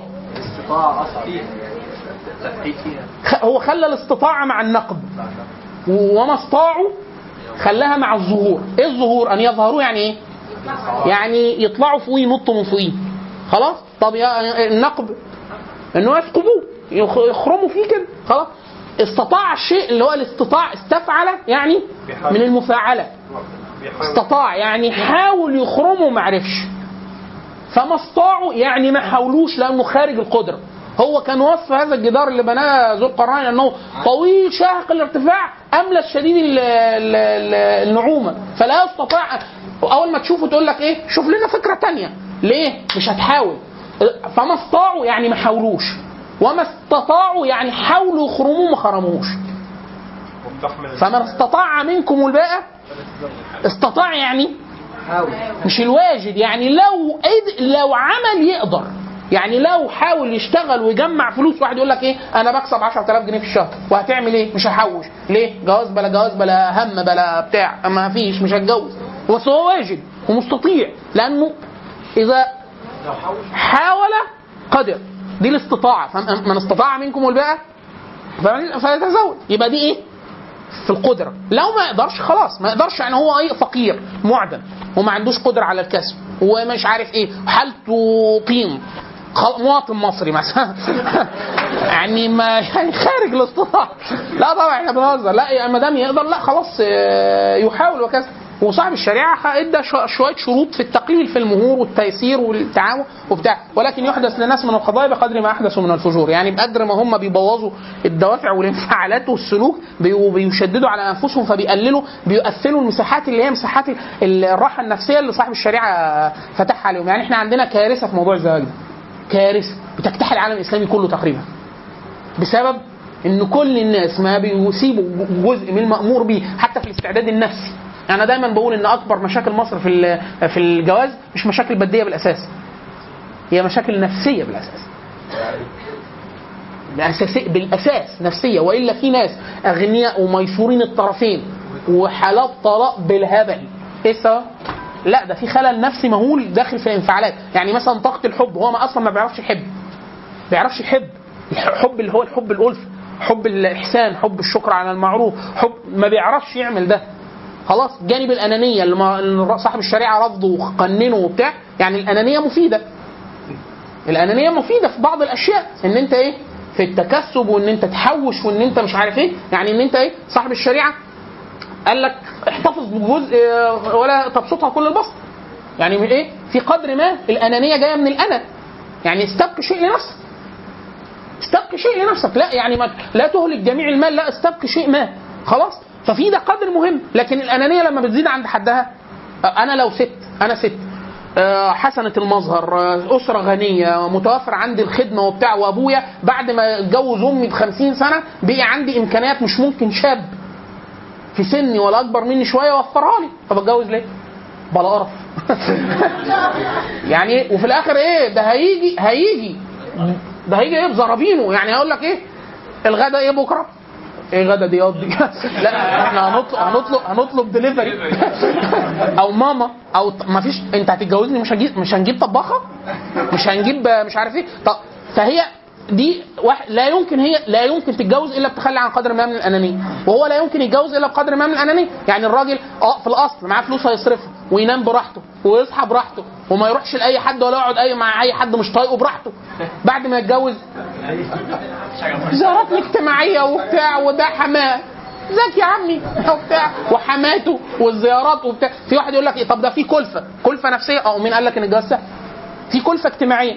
الكلفة الاجتماعية دي عايزة إيه؟ اللي هو مساحه اللي إحنا بنسميها السيطرة على الدوافع السيطرة على الانفعالات. في جزء كبير جدا من مفهوم السيطرة ده إما إن صاحب الشريعة بيديك هو دافع ويقول لك الدافع ده أساسي ويقول لك إيه؟ يا تفرغه حلال يا تكبته بالطريقة الفلانية. تكبته بالمعنى الحسن اللي هو يعني توقفه. زي مثلا زي سنة ال- ال- الطاقة الجنسية. يا تتجوز ده مباح. ده مباح. يا اما تصوم خلاص. كده إيه؟ ادي مفهومين السيطرة. يا ده يا ده. الغضب. هقعد طول عمري ما اغضبش. الزرار هيعلق. يعني انت عارف حاجة ما شغلتهاش فيه؟ لا. تروح تجاهد تنكد على الكفار ترجع. انت فاهم إيه؟ رحنا قتلنا 100 واحد. يعني إيه؟ واحد يقول لك طب أنا هروح هقتل لنفسي والله هتخش النار بس هتنتصر في الدنيا. يعني وأنا مش هقتلهم كده وخلاص؟ لا. صاحب الشريعة قال لك إيه؟ أنت هتقتلهم. بس لو قتلتهم لنفسك هو الله عز وجل الوحيد اللي هيعلم. فلو قتلتهم لنفسك هدخلك النار. بس هم كانوا كفار ما قتلتهمش عشان كفار. فمن قاتل قالوا يا رسول الله رجل يقاتل في يقاتل في سبيل الله وللمونة أو ولي- ليرى مكانه. قال إيه؟ ليس له شيء.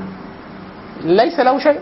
مفيش هو المقاتله إيه؟ فعشان صاحب الشريعة قال لك دي أنا عايزك تغضب وعايزك تبقى عدواني وعايزك يبقى لسه عندك طاقة للقتل. وطاقة للي مش عارف إيه وخشن وكل وهتضرب وهتتضرب وهتعمل حاجات كتيرة. وبعدين؟ بس بشرط ان انت توجههم بس لمرادي. حديث النبي صلى الله عليه وسلم إن أول ما يقضي الله عز وجل بين الناس يقضي في الدماء. فيجيب الراجل واحد جايبه ويقول له يا رسول الله سال عبدك هذا فيما قتلني. ده قتله. حلو ده ولا وحش؟ ده انفعال. خلاص؟ يقول لا استنى. قتلته ليه؟ حتى تكون الكلمة حتى تكون العزة لك. فيقول صدقت العزة لي. ده يخش الجنة واللي قتل يخش النار لأنه قتله في قتال شرعي.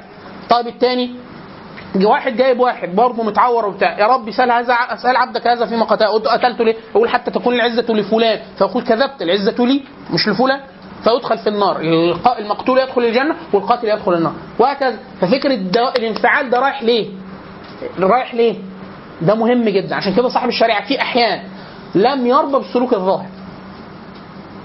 يعني قال لك إيه؟ النبي الرب العزه قضى قضاء. قبلته. آه قبلته. خلاص. لا. لا. لا. ترضى و ولا تجد في صدرك حرج. يلا كمان يعني أنت هترضى ظاهريا. وبعدين؟ ومن جواك قلبيا السؤال اللي كانت الأخت بتسأله. جواك. من جواك. تبقى راضي ومحب لده. طب أعملها إزاي دي؟ أعملها إزاي دي؟ إن هو إيه؟ تربية القلب على مراضي الله. إن هو بالترا... عشان كده إحنا بنقول إيه؟ بنقول صاحب الشريعة. صاحب الشريعة عمل برنامج نفسي كامل للطفل من هو صغير عشان لما يجي يعرض عن الإسلام وهو في سن البلوغ أول ما تقول له إسلام يقول لك لا إله إلا الله على طول. ليه؟ ليه؟ قال لك واحد حديث عبد الله بن عمر قال لك كنا ونحن شبان حزاوير نؤتى الإيمان قبل القرآن فلما أوتينا القرآن ازددنا به إيمانا. إيه الإيمان يا مولانا؟ إن هو أنا طفل أصلا طفل. يعني أنا مش مكلف. إيه؟ تقول له إيه؟ أحسن للجار وتصدق وكلم الكبير كويس وتسلم عليه وتشكر المنعم ولحد أصدق لا يشكر الله من لا يشكر الناس. تتعلم إن اللي يسدي لك حاجة تشكره. خلاص؟ وبعد كده إحساس بالنعمة. لما أنا أعمل لك حاجة اشكرني. واشكر علمه يشكر أبوه علمه يشكر أمه. مع علمه إن الأكل نعمة. مش إيه أنا جعان آكل لأ. هي مش مجرد هو دافع فسيولوجي إحنا متفقين إن هو إيه؟ دافع فسيولوجي ولو عايز ياكل حبيبي قول إن أنت عايز تاكل. بس الأكل ده مجرد أكل بهيمي؟ لا ده إحنا بنقول بسم الله والحمد لله وأقل نعمة مشكورة وكذا وما نرميش الأكل وبتاع. ليه؟ أنت بتجهز هذا القلب إن هو إيه؟ هو إمتى هيعرض عليه التكليف بعدين فترة طويلة جدا لدرجة إن أول فترة هيقعدها وهو بيرضع وبتاع أصلا مش مدرك لذاته.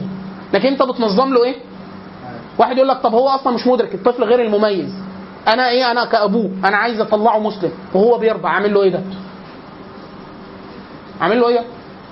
أنظم له أنظم له رغباته لأن دي دوافع أساسية. الدوافع الأساسية دي يا اخوانا بيسيطر عليه يعني الطفل في الأكل في الأكل الطفل اللي بيعمل عارفين مرض السمنة في الأطفال؟ الطفل اللي ما, بيو... ما لا يض... يعني في طفل واحد يقول لك إيه؟ عايز آكل عايز آكل عايز آكل. يقول لك لا ما تأكلوش كل ما خلاص واحد طفل بيرضع ها بيرضع نعمل فيه إيه؟ يقول لك ترتب ترتب. آه، ما توصلوش لدرجة اللي هو إيه؟ الشعور الطاحن بالاحتياج لل- للأكل بحيث لما يبكي وكا شديد بتديله أكل. اللي هو الرضاعه لا خلي فترات معينة بحيث يستشعر فترة الحرمان شوية. مش لدرجة الحرمان الحرمان المؤذي ولا تلبى كل ليه شيء لأنه ده بينظم استجابته لل- للجوع. وهو رضيع. يعمل ده؟ آه اعمل ده. خلاص واحد يقول لك إيه؟ طب خلاص اقعد أرضعه كتير. غلط. مفسد للاستجابات ال- الأساسية بتاعته. طب ما رضعوش بعد سنتين مفسد للاستجابات الدافعية الأساسية بتاعته. يعني كده هتطلعه مدلل أكتر من اللازم. صاحب الشريعة قال كده قال لك آه خليكم في سنتين كحد أقصى. يعني إيه؟ الفكرة إن أنا و... اللي هي الناس أحيانا بتتعامل مع علم النفس المرضي اللي هو علم النفس الغربي إن هو مرضي بيستناك إيه؟ أنت بصت واكتئبت وكفرت بالله تعالى عالجك. طب وليه؟ طب ما إحنا نروح إيه؟ عشان كده صاحب الشريعة إيه؟ خلى خلى الإحسان في تربية الأطفال سواء المرأة تعمل كده أو الراجل يعمل كده من أجل الأشياء تربية نفس حتى تقبل الإسلام إذا عرض عليه.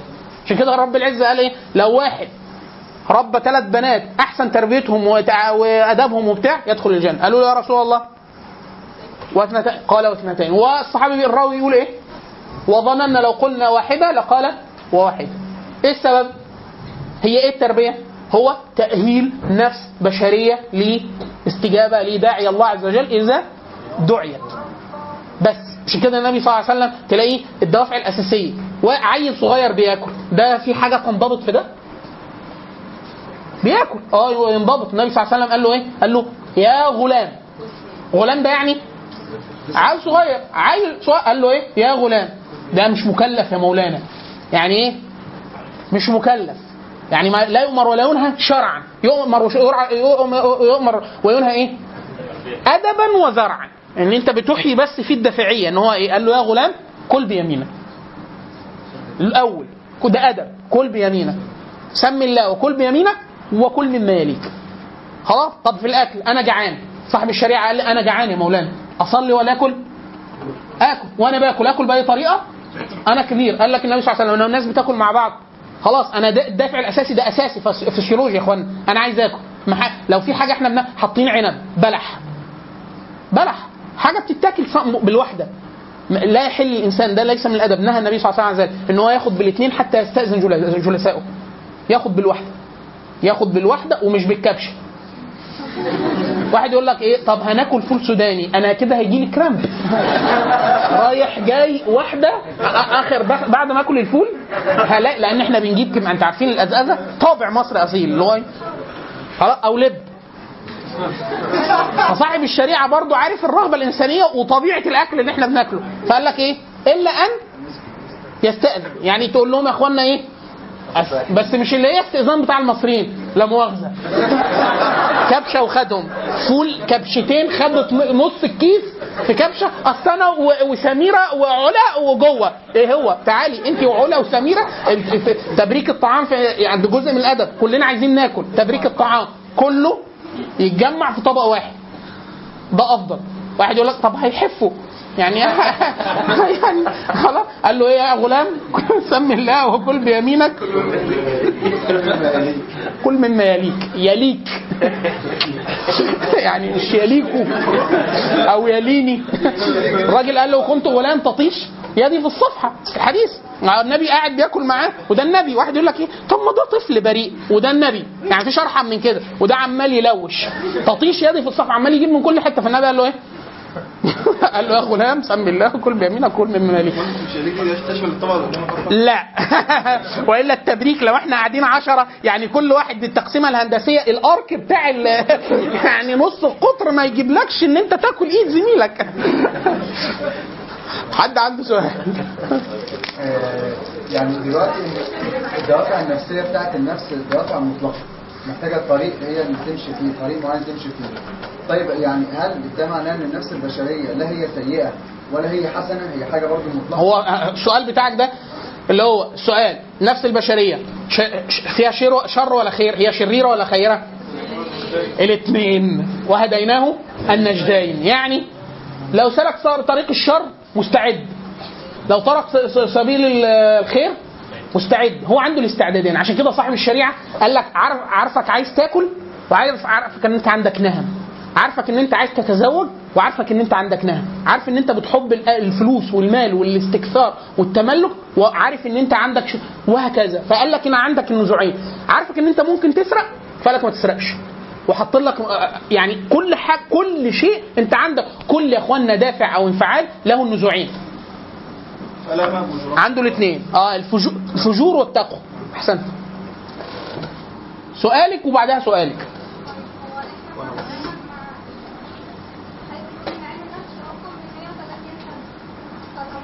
أول أول معمل 1879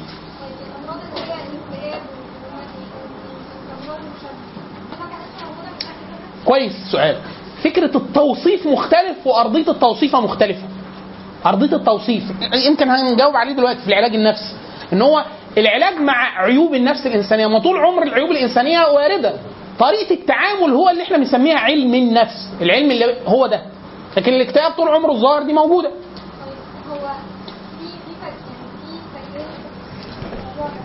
في ناس بتقول انه دي حاجة وراثية يعني الانسان المكتئب ده بياخد ادوية وخلاص يعني في ناس بتتعامل معاه وعاملة أدوية عشان ينام وما يحسش بالاكتئاب الشديد اللي حاسس بيه. لكن هو يرجع لحالته السواء النفسي ده اللي فيه كلام. الانسان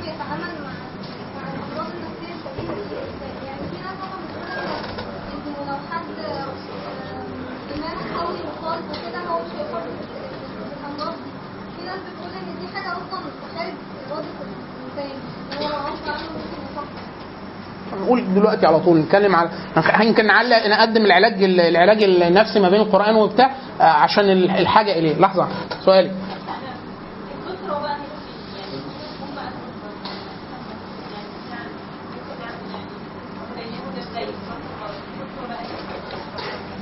جزء من الفطرة اللي إحنا بنسميها الدوافع الأساسية مثلا فطرة التدين. يعني قبول وجود الصانع. الصانع. ليه؟ لأن أنا لو أنت ما اقرتيش بإن في خالق مش هنعرف نتسلسل لايه؟ لرسول وقرآن وأوامر وبتاع. فدي ده جزء مما فطر الله عز وجل عليه الناس. يعني ده من الدوافع الاساسيه دوافع التدين. التدين بالمعنى الواسع إن هو إيه؟ الشيء القطعي اللي هو يبقى معيار وكذا وبتاع. خلاص؟ حتى لو دين وضعي دينه هو بيعبد نفسه أو بيعبد العلم. يعني هو الراجل اللي قال لك لا 100% يعني فرويد مثلا. فرويد أبو مدرسة التحليل النفسي بيقول لك الاكتئاب ده بيجي لك بسبب كذا والكبت بيجي بسبب كذا والدوافع الأساسية بتاعتك 1 2 3 4 ده أصلا هو راجل لا يؤمن بالله واليوم الآخر هو ملحد. فرويد أصلا وإن كان أصله يهودي بس هو ملحد. خلاص؟ لكن إيه اللي هو مؤمن بيه جدا؟ النظريه بتاعته. وهي حتى نظرية بالمعنى الغربي مش نظرية يعني مش نظرية علمية. يعني هي فلسفة أخرى أكثر منها. سؤالك. علم النفس الغربي.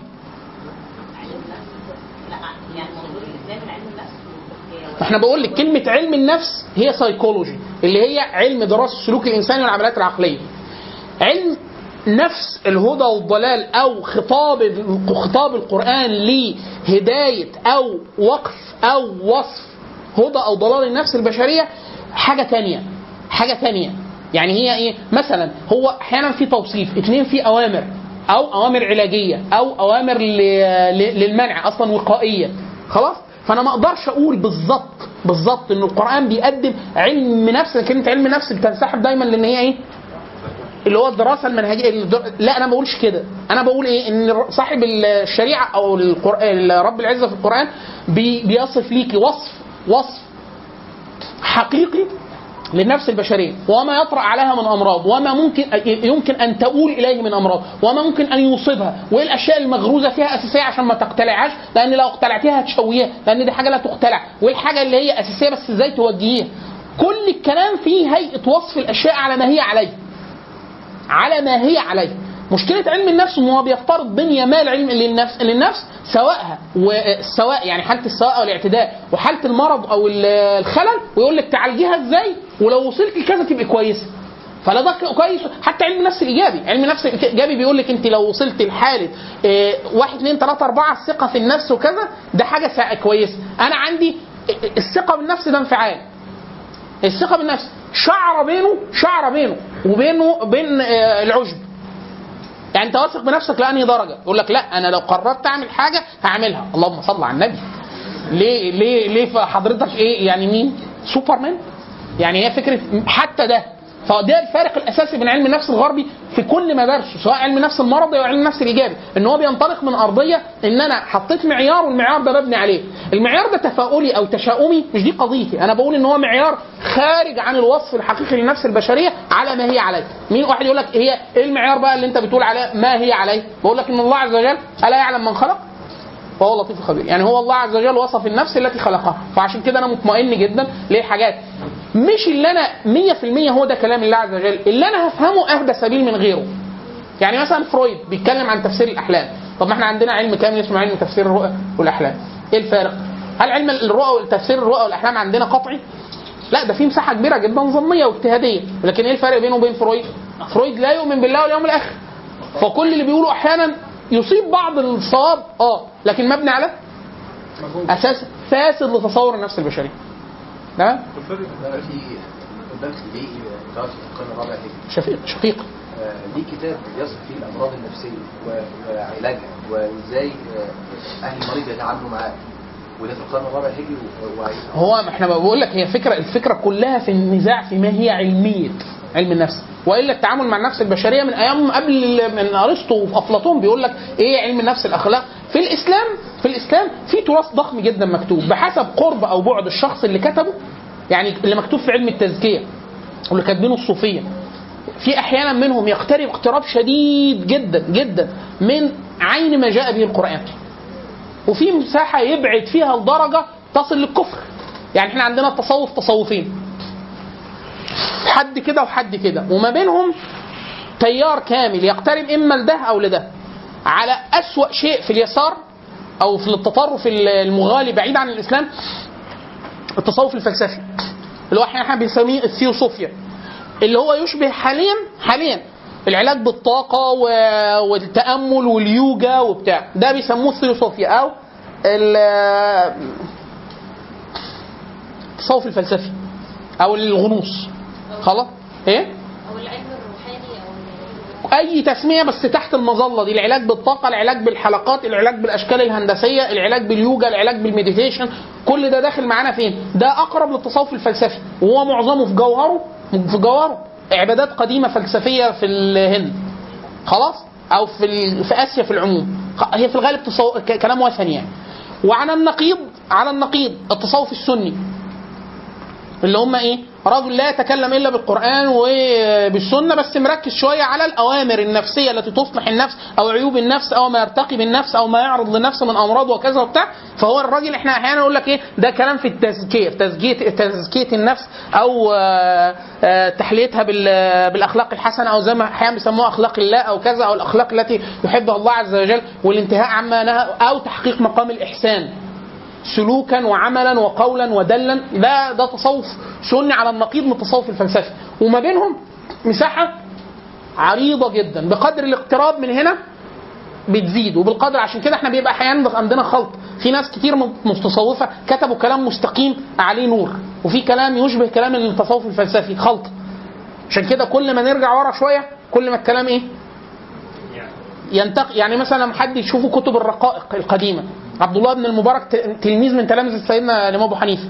خلاص فده راجل في التابعين أو تابع التابعين. خلاص ده المسألة إيه؟ كتاب الرقائق تلاقي كله إيه؟ كله آثار. يا إما قال رسول الله صلى الله عليه وسلم كذا يا إما الصحابي كذا كذا كذا. بس مركز فين؟ في مساحة الأعمال القلبية وما يصلح القلب وما يطرأ عليه وبتاع. بس كله قال رسول الله صلى الله عليه وسلم حاجات من استدلالات الصحابة من السلف وهكذا. أول ما نروح شوية ناحية مثلا مثلا أبو حامد الغزالي مثلا نلاقي كلام مستقيم ولطيف وبتاع وكلام مما أنكره السلف صراحة زي كلام الحارث المحاسبي ال- ال- الحارث المحاسبي. الحارث المحاسبي كان معاصر الامام أحمد. يمكن القصة توضح لكم الفارق ما بين المنهجين في التعامل مع النفس البشرية. عارفين الإمام أحمد؟ تسمعوا بالحارث حارث المحاسبي؟ صاحب كتاب التوهم و والمسترشدين وكذا. والراجل كلامه لما إحنا حاليا لما بنقراه كلام مستقيم جدا وبتاع ده في عصره. هو مات بعد عزله 10 سنين. كان الإمام أحمد وكل الطبقة دي كانوا بت- بتنهى الناس إن هم يقعدوا معاه. 10 سنين في عزلة تامة. مش ما حدش بيقعد معاه. إيه السبب؟ بصوا القصة دي عشان تفهموا فكرة المنهجين في التعامل مع النفس البشرية. الإمام أحمد سمع إن واحد من تلامذته بي بي بيجالس الحارث الحارث والإمام أحمد حس إن في حاجة بيقولها غلط الحارث وهو لا يحكم إلا بإيه؟ بعلم. فقال لتلميذه ده قال له الحارس بيجي عندك بيدي درس في البيت؟ قال له آه. قال له أنا عايز أجي عندك أقعد في أوضة قبل ما الحارس والتلاميذ يجوا بحيث ما يعرفش إن أنا قاعد. عايز أسمع كلامه من غير ما يعرف إن أنا قاعد. عشان إيه؟ ما تجملش ولا إيه بتاع وجه الراجل جه الإمام أحمد دخل في أوضة والحارس جه وتلامذته في أوضة ثانية بتاع مش عارفين إن الإمام أحمد قاعد. والراجل قال موعظة وكلام طيب وبتاع ومش عارف إيه ومشي. بعد ما الناس كلها مشيت والحارس مشي راح الراجل دخل ليه الإمام أحمد قاعد على الأرض. عينه كلها دموع لحيته كلها بلها والمية الدموع واصلة على الأرض. قاعد متربي بيبكي من الكلام اللي قاله. ف آه كلام إيه؟ مظبوط ولا مش مظبوط؟ فعال ولا مش فعال؟ فعال. فقال له إيه؟ كيف وجدت الرجل؟ قال له مجلس خير لا تعد لمثله. يعني هو ما قالش حاجة وحشة بس ما تعملش كده تاني. وما تقعدش معانا الله؟ آه دي حاجة حلوة بس ما تعملهاش تاني. إيه بقى إزاي دي حد عنده حد عنده فكرة عن سبب سلوك الإمام أحمد؟ حد عنده نقل؟ يعرف تتمة الرواية إيه الامام أحمد؟ قال له إيه؟ قول إيه؟ احسنت قال له هل سمعت من أحد من السلف الصحابة والتابعين والنبي صلى الله عليه وسلم تكلم في الوساوس والخطرات؟ إيه بقى فكرة الوساوس والخطرات؟ معظم التصوف اللي من أيام الحارس المحاسب وطبعا ده حاليا ما فيش غيره تقريبا لما بنقول تصوف الناس ما بيروحش الزناء إلا على المعنى ده وده برضو معنى مش المقصود. يمكن إحنا محتاجين نحكوا على حاجة توضح المقصود فكرة التعامل اللي هو إحنا بنسميه التزكية السنية أو الأمر المستقيم. إيه مشكلة الإمام أحمد مع الحارس؟ إن هيجر الناس لمساحة تأملية وتفتيشية أكتر من اللازم لم يؤمروا بها. اللي هو إحنا بنسميه أحيانا في الشريعة التكلف. يعني في واحد يقول لك إيه؟ أنا عايز أراقب خطرات آه، الوساوس بتاع الشيطان والخطرات اللي تخطر على قلبي عشان الطهارة والوضوء والصلاة وأنت عارف الحاجات دي. خلاص؟ وأنا مرائي ولا مش مرائي والحاجة دي في سبيل الله. هتقعد تشغل قلبك بما لم يأمرك به الله عز وجل. ما أنا عشان كده ما هو أنا ده بقول لك ده الحارس الحارس كلامه أكثر استقامة من أبو حامد. معظم الكلام المستقيم لأبو حامد الغزالي في الإحياء من كلام الحارس. نصا نصا خلاص؟ وفي مواد تانية مخ- مختلطة. أبو حامد بدأ أصلا متفلسف ومتكلم وبتاع فالإحياء في خلط في حاجات مستقيمة على الأمر الأول وفي حاجات شبه كلام الحارس وكلام مش يبدو حسن. بس في إيه؟ المعضلة بتاعت إيه؟ إن أنت بتدخل في مساحة تفتيشية كثيرة جدا كثيرة جدا بتعمل ما يشبه الوسواس عندك. طب وأنا صليت؟ طب ده لله ولا مش لله؟ ولا مش عارف لا المساحة دي أصلا بت- بتاخد مساحة يعني صاحب الشريعة الانفعالات ما قالكش تفتش فيها التفتيش الشديد جدا لده. زي ما في واحد يقول لك أنا عايز أقعد أتأمل وكل حاجة يعني عايز أفهمها قوي. و... المساحة دي زائدة أحيانا عن الحج. يعني صاحب الشريعة أمرك بالتفكر والتفكر في نعم الله عز وجل وت... بس الايه لقدر لقدر. كل مساحة الواحد بيغلو فيها بتجيب إيه؟ بيجيب خلق. لما نمر نمد الخط على امتداده تقريبا بعد الحارس ب 400 سنة ولا حاجة آه لا الموضوع في كلام يعني الصوفية الصوفيه بالذات التصوف السو- التصوف الفلسفي له كلام يعني كفر خالص بسبب اختلاطهم بمقولات الف... الف... الف... الفلاسفة وال... والمتصوفة ال- قبل الإسلام. يعني خد عد عد على إيدك. مثلا آه، كلام كثير جدا من جل... كلام جلال الدين الرومي. آه، كلام كثير جدا من ظاهر كلام ابن عربي. آه، في واحد يقول لك يعني هم كانوا كويسين ولا وحشين. إحنا هنا لا يعنينا الأشخاص. إحنا يعنينا إن كلامه كلامه كلامه بيقول بالنفس البشرية لمساحة بعيد خالص عن المساحة اللي أمر بها صاح- صاحب الشريعة. إيه؟ لأن هي أصلا مساحة لا تنتهي. دي مساحة اسمها نشر النشارة. واحد معاه نشاره عايز ينشرها. يعني فيها فكرة التأمل الشديد جدا في الوساوس التي تخطر على الإنسان من نفسه ولا من الشيطان ولا بتاع مش عارف إيه. يعني صاحب الشريعة قال لك ال- الشيطان هيجي يقول لك آه، من خلق كذا من خلق كذا فمن خلق الله. نعمل إيه في المعضلة الفلسفية الكبيرة دي؟ النبي صلى الله عليه وسلم قال له إيه؟ تستعذ بالله وتشهد أن لا إله إلا محمد رسول الله وايه وخلاص بقى وتكف عن كده. بس كده؟ آه والله. بس كده يعني مفيش تاني مش هعمل مش مش هفرك يعني لا ما تفركش. خلاص كده. واحد تاني أنا عايز إيه؟ أنا عايز آه، أصلي. يعني لله. أعمل إيه؟ قال له يا رسول الله يعني أسألك إيه؟ مصاحبتك في الجنة. قال له إيه؟ أعني على نفسك بكثرة السجود. حلو كده؟ حلو. طب واحد طب أنا حاسس إن أنا قلبي مش صافي. اللهم إني إيه يا حي يا قيوم برحمتك استغيث اصلح لي شانه كله ولا إلى نفسي طرفة عين. يعني أنت تستعين على الوساوس بإيه؟ بالدعاء واللجوء إلى الله يعني اللي هو موضوع إيه؟ ملموم سهل وبتاع طب المساحة الباقية هعمل إيه؟ اللي أنت فارغ منه اللي هو العمل سيدنا الحسن البصري كان لما بدأ في وقته الناس تكثر من الكلام في أشياء شبه ده فكان يقول لا هؤلاء قوم ثقلت عليهم العبادة فإيه؟ فيعني يستكثروا من الجدل أو الكلام أو بتاع عشان كده تلاقي كلام إحنا بنقول للقوم في الأول الصحابة والتابعين وبتاع تلاقي إيه؟ قليل جدا دال جدا يدلك على العمل. كلام بعد كده؟ وسع وسع وسع وسع. عشان كده ممكن إحنا نقعد مثلا زي ما إحنا بنعمل كده. نقعد مثلا كتير جدا ممكن نتكلم عن القرآن. أقل حاجة بنعملها إيه؟ التعامل المباشر والتدبر المباشر مع القرآن أو قيام الليل بالقرآن. خلاص؟ أو تعلم قدر ما من العربية عشان يتفهم به القرآن عشان يتعبد عشان يأثر في القلب مكان المادة. ليه الناس بتروح للمادة المكتوبة اللي فيها تفصيلات؟ والقران بيبقى أثقل عليها. يقول لك ما أنا بدرس ده عشان أفهم القرآن. طب ما ما تعكس. اعكس يعني جهز شوية أدوات بسيطة للتعامل مع القرآن وافضل أفضل. وهكذا. طيب فكرة العلاج العلاج النفسي. نختم بده عشان ما نطولش عليكم. العلاج النفسي ما بين ده وده. العلاج النفسي في ناحية علم النفس المرضي في علم النفس المرضي بيتعامل مع الناس. يقول لك والله إما ده اضطرابات نفسية عصبية والعصابي ده نوعين. عصابي اضطراب نفسي خفيف يعني كل الناس تتعرض للاكتئاب كل الناس تتعرض للخوف للقلق مثلا. خلاص؟ حاجات زي كده. إمتى يبقى مرض ولا مش مرض؟ يعني يقول لك والله لو أنت قعدت زهقان وما عندك وما ما فيش حاجة بتسعدك ومش عايز تختلط بالناس وما تتكلمش وبتاع لمدة أكثر من أسبوعين تبقى أنت كده إيه؟ داخل في حالة اكتئاب.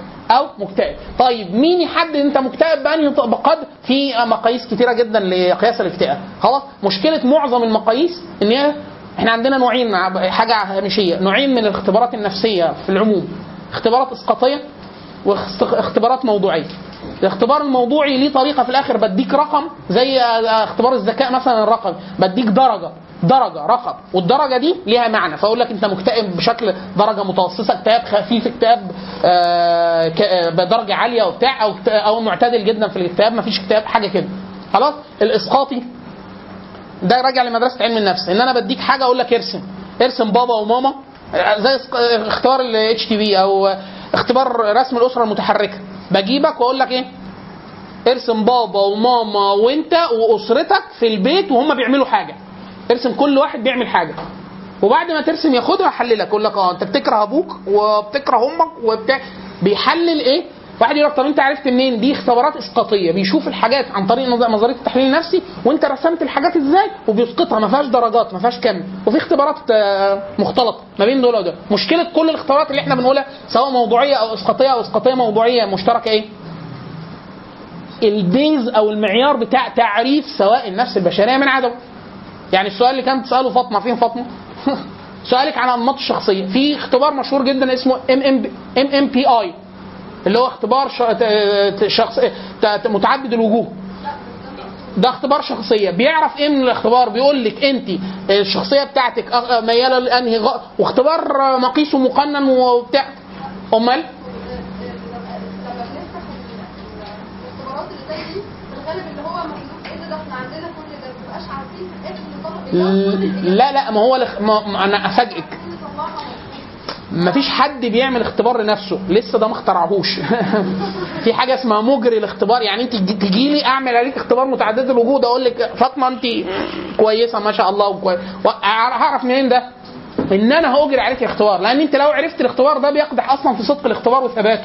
لو أنت عرفت أنا بقيس إزاي وبسألك على إيه؟ لأن أنا لو شرحت لك إحنا بنسأل السؤال ده ليه؟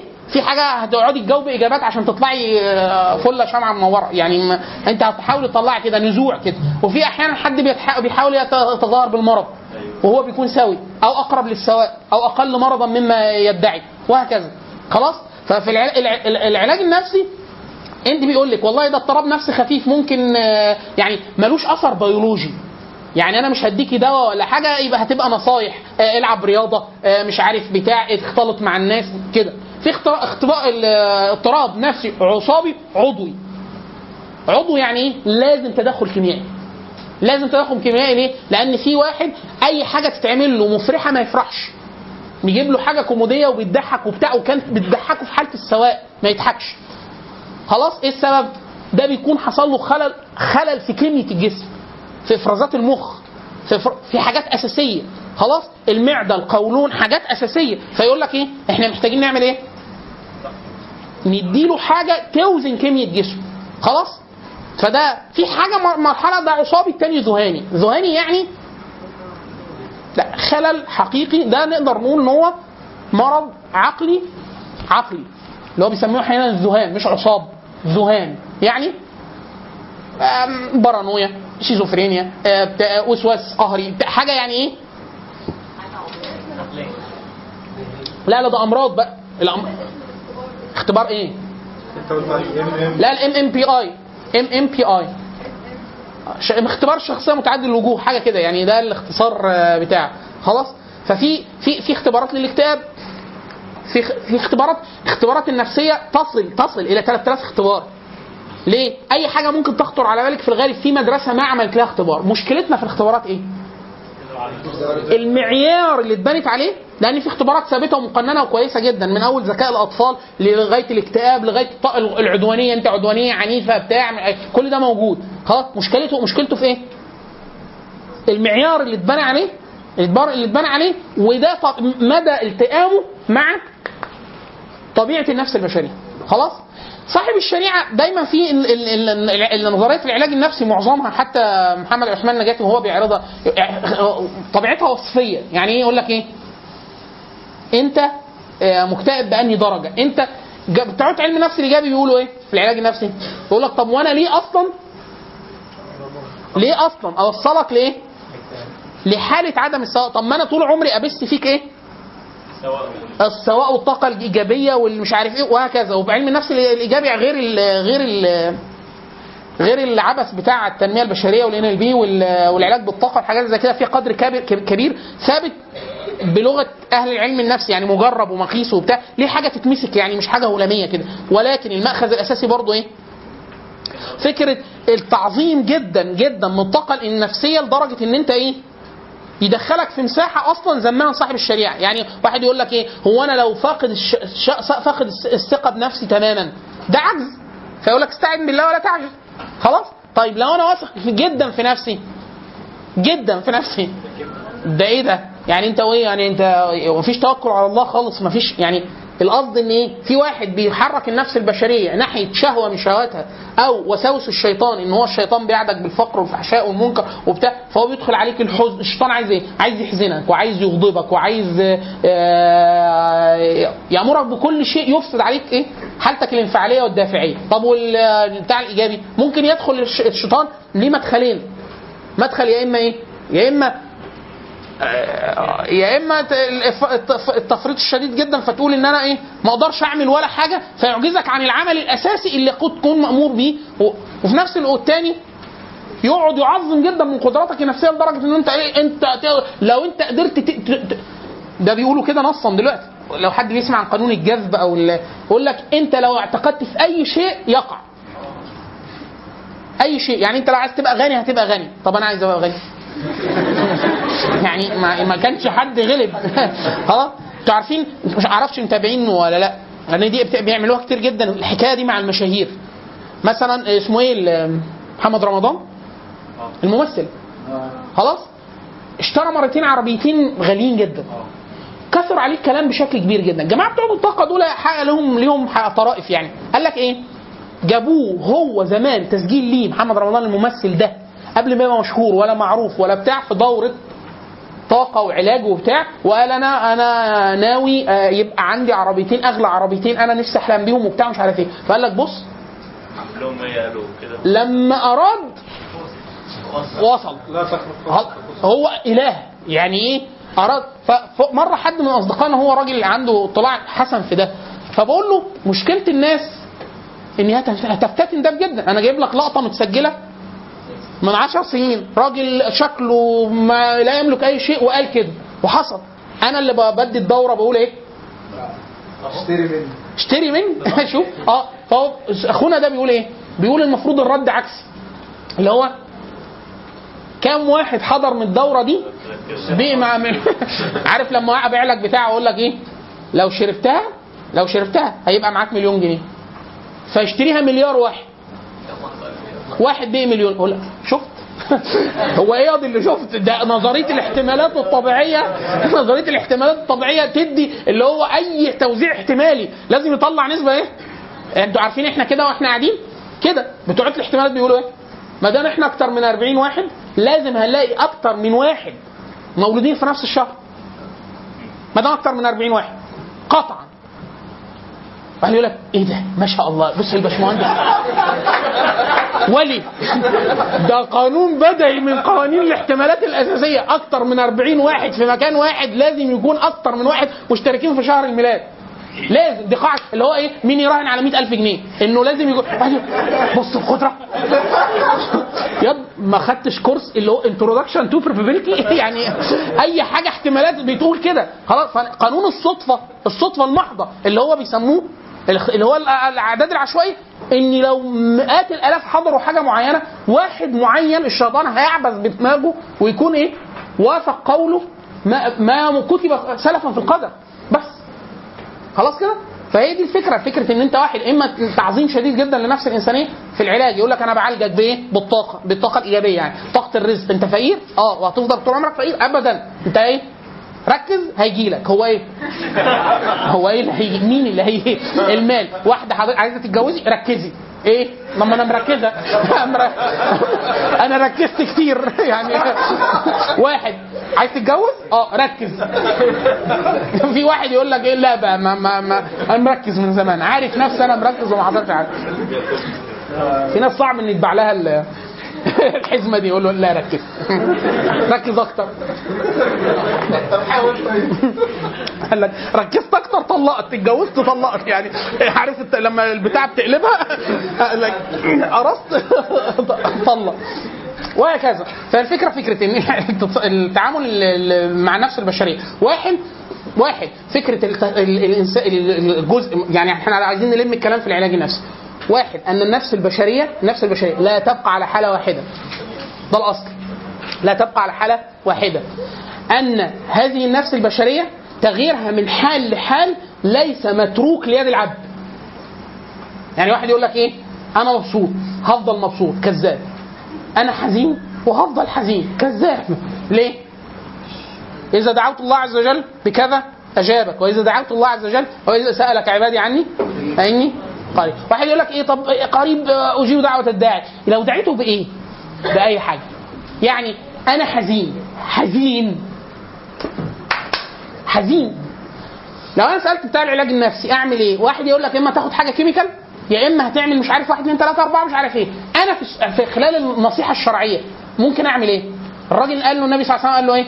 قال له قل اللهم أنا أعوذ بك من الهم والحزن. وأعوذ بك من العجز والكسل. وأعوذ بك من الجبن والبخل. وأعوذ بك من غلبة الدين وقهر الرجال. فقال له إيه؟ اللهم أعوذ بك من الهم والحزن. أنا مهموم أو حزين؟ أعمل إيه؟ ده علاج نفسي. أعمل إيه؟ قل اللهم إني أعوذ. امال أنت مين اللي هيخفف نفسك دي؟ يعني أنت مش أنت كده بالمصطلح القرآني وحتى المصطلح علم النفس أنت في حالة مش من حالات المرض النفسي أو الاضطراب النفسي الخفيف اللي هو الحزن أو الهم أو القلق. أو الاضطراب اللهم اعوذ بك من الهم والحزن. وأعوذ بك من العجز والكسل. اللي هو أحيانا بيسموه الخور أو أحيانا آه، فتور الهمه أو أحيانا آه، قلة الدافعيه للإنجاز. يقول لك أنا مكسل أعمل أي حاجة ومش عارف أعمل أي حاجة ومش عارف أذاكر ومش عارف ومش عارف أعمل واحد اثنين ثلاثة أربعة. وفي قدامي تجارة بس مكسل أنزل وأروح وأجي. في فرصة فوق شغل وبتاع. فصاحب الشريعة اعتبروا ده. اضطراب نفسي اعتبروا اضطراب نفسي. خفيف آه خفيف. وحتى لو كبير كبير. ولكن العلاج. قال له قل اللهم إني أعوذ بك ومش انت مش انت اللي هتعمل. أعوذ بك من الهم والحزن أعوذ بك من العجز والكسل واعوذ بك من الجبن والبخل. الجبن ده يا مولانا أما انفعال والبخل ده إيه؟ وبرضه ده حاجة دافعية من داخل. وبعد كده من غلبة الدين وقهر الرجال ده حاجة خارج دايرة تأثيرك أصلا. الباقيين دول كانوا جوه وخارج دايرة تأثيرك بحس- بسبب من إرادة الله عز وجل. طب ده ضرر جاي من الخارج. قهر الرجال وإيه؟ غلبة الدين. طيب غلبة الدين هتتحل إزاي؟ مش برضه مش بقانون طب بتاع العلاج النفسي هيقول لك إيه؟ بتاع النفس الإيجابي يقول لك بص بتاع العلاج النفسي اللي هو علم النفس المرض هيقول لك إيه؟ لا أنا بقول لك إيه؟ لو ركزت والثقة وبتاع التاني بيقول لك إيه؟ قل أعوذ بك من غلبة الدين وقهر الرجال فكرة إعادة النفس للخالق دي حاجة مهمة جدا. في فكرة العلاج. طيب أنا راجل عندي آه، أنا حسود خلاص يمكن ينفع أخف؟ آه ينفع تخف. طيب أنا راجل غضوب. غضوب. أنا راجل ما بتكسفش. عايز أبقى بتكسف. ينفع؟ حديث النبي صلى الله عليه وسلم إنما العلم بالتعلم والحلم بالتحلم. الحياء والحلم والحاجة حاجات تكتسب. تكتسب بإيه؟ بالدعاء. والدعاء وال وال وال. بيسموه إيه؟ ال- التكلف. إن أنت تتكلف الخصلة فترة. يعني واحد يقول لك أنا ما بتكسفش. تكلف الكسوف فترة هتتكسف. الحياء شعبه من شعب الإيمان. يعني لو أنا زودت العبادات والت- والتأدب بأداب الله عز وجل وإن اطلاع إن الله عز وجل مطلع عليا في أقوالي وأفعالي وكذا وده بيكتب عليا وحاسب عليه وبتاع لا يخليك. تمام؟ أهلا بيك يا دكتور. خلاص؟ وهكذا. هي دي الفكرة إن إحنا بنتكلم على ال... ال... النظرتين سواء نظرة العلاج العلم نفس المرض أو علم النفس الإيجابي والوسط فكرة. إحنا مش بنقول كل طرح إسلامي إحنا بنقول بقدر هي عملية اجتهادية بقدر اقتراب صاحب الطرح الطرح. ليه؟ لأن في جزء كبير برضه بيبقى صعب. فكرة إن أنا اللي بقول لك دي عشان كده أنا إيه يمكن استخدمت المصطلح من باب إن إيه إن هو شائع بس. لكن هو من ناحية الدقة مش دقيق لما يقول لك إيه إيه وجهة النظر الإنسا- النفس الإسلامية في كذا.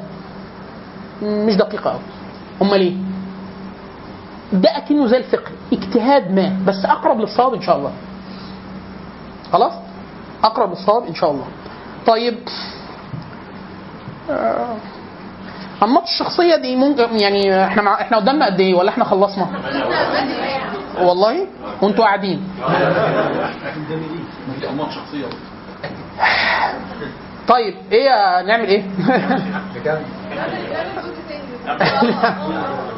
بشوفوا يعني إحنا ممكن ممكن تصويت لغاية ما ناخد سؤال ولا سؤالين؟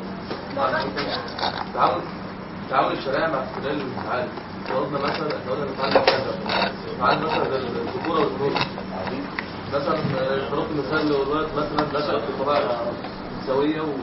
هو ولد ذكر من الناحيه البيولوجية. لو انت قعدت تعامله معاملة أنثوية أو أو مقصر في اكسابه للانفعالات الذكورية هيبقى إيه؟ أيوه لو ازدادت الهرمونات دي؟ لا لا لا هو يحصل له مش مش مش خلل لدرجة إن هو هو ال ال فين الجانب البيولوجي في جزء مش هيتغير بسهولة؟ ده جانب آه، عضوي يعني خلاص؟ وفي جانب هرموني.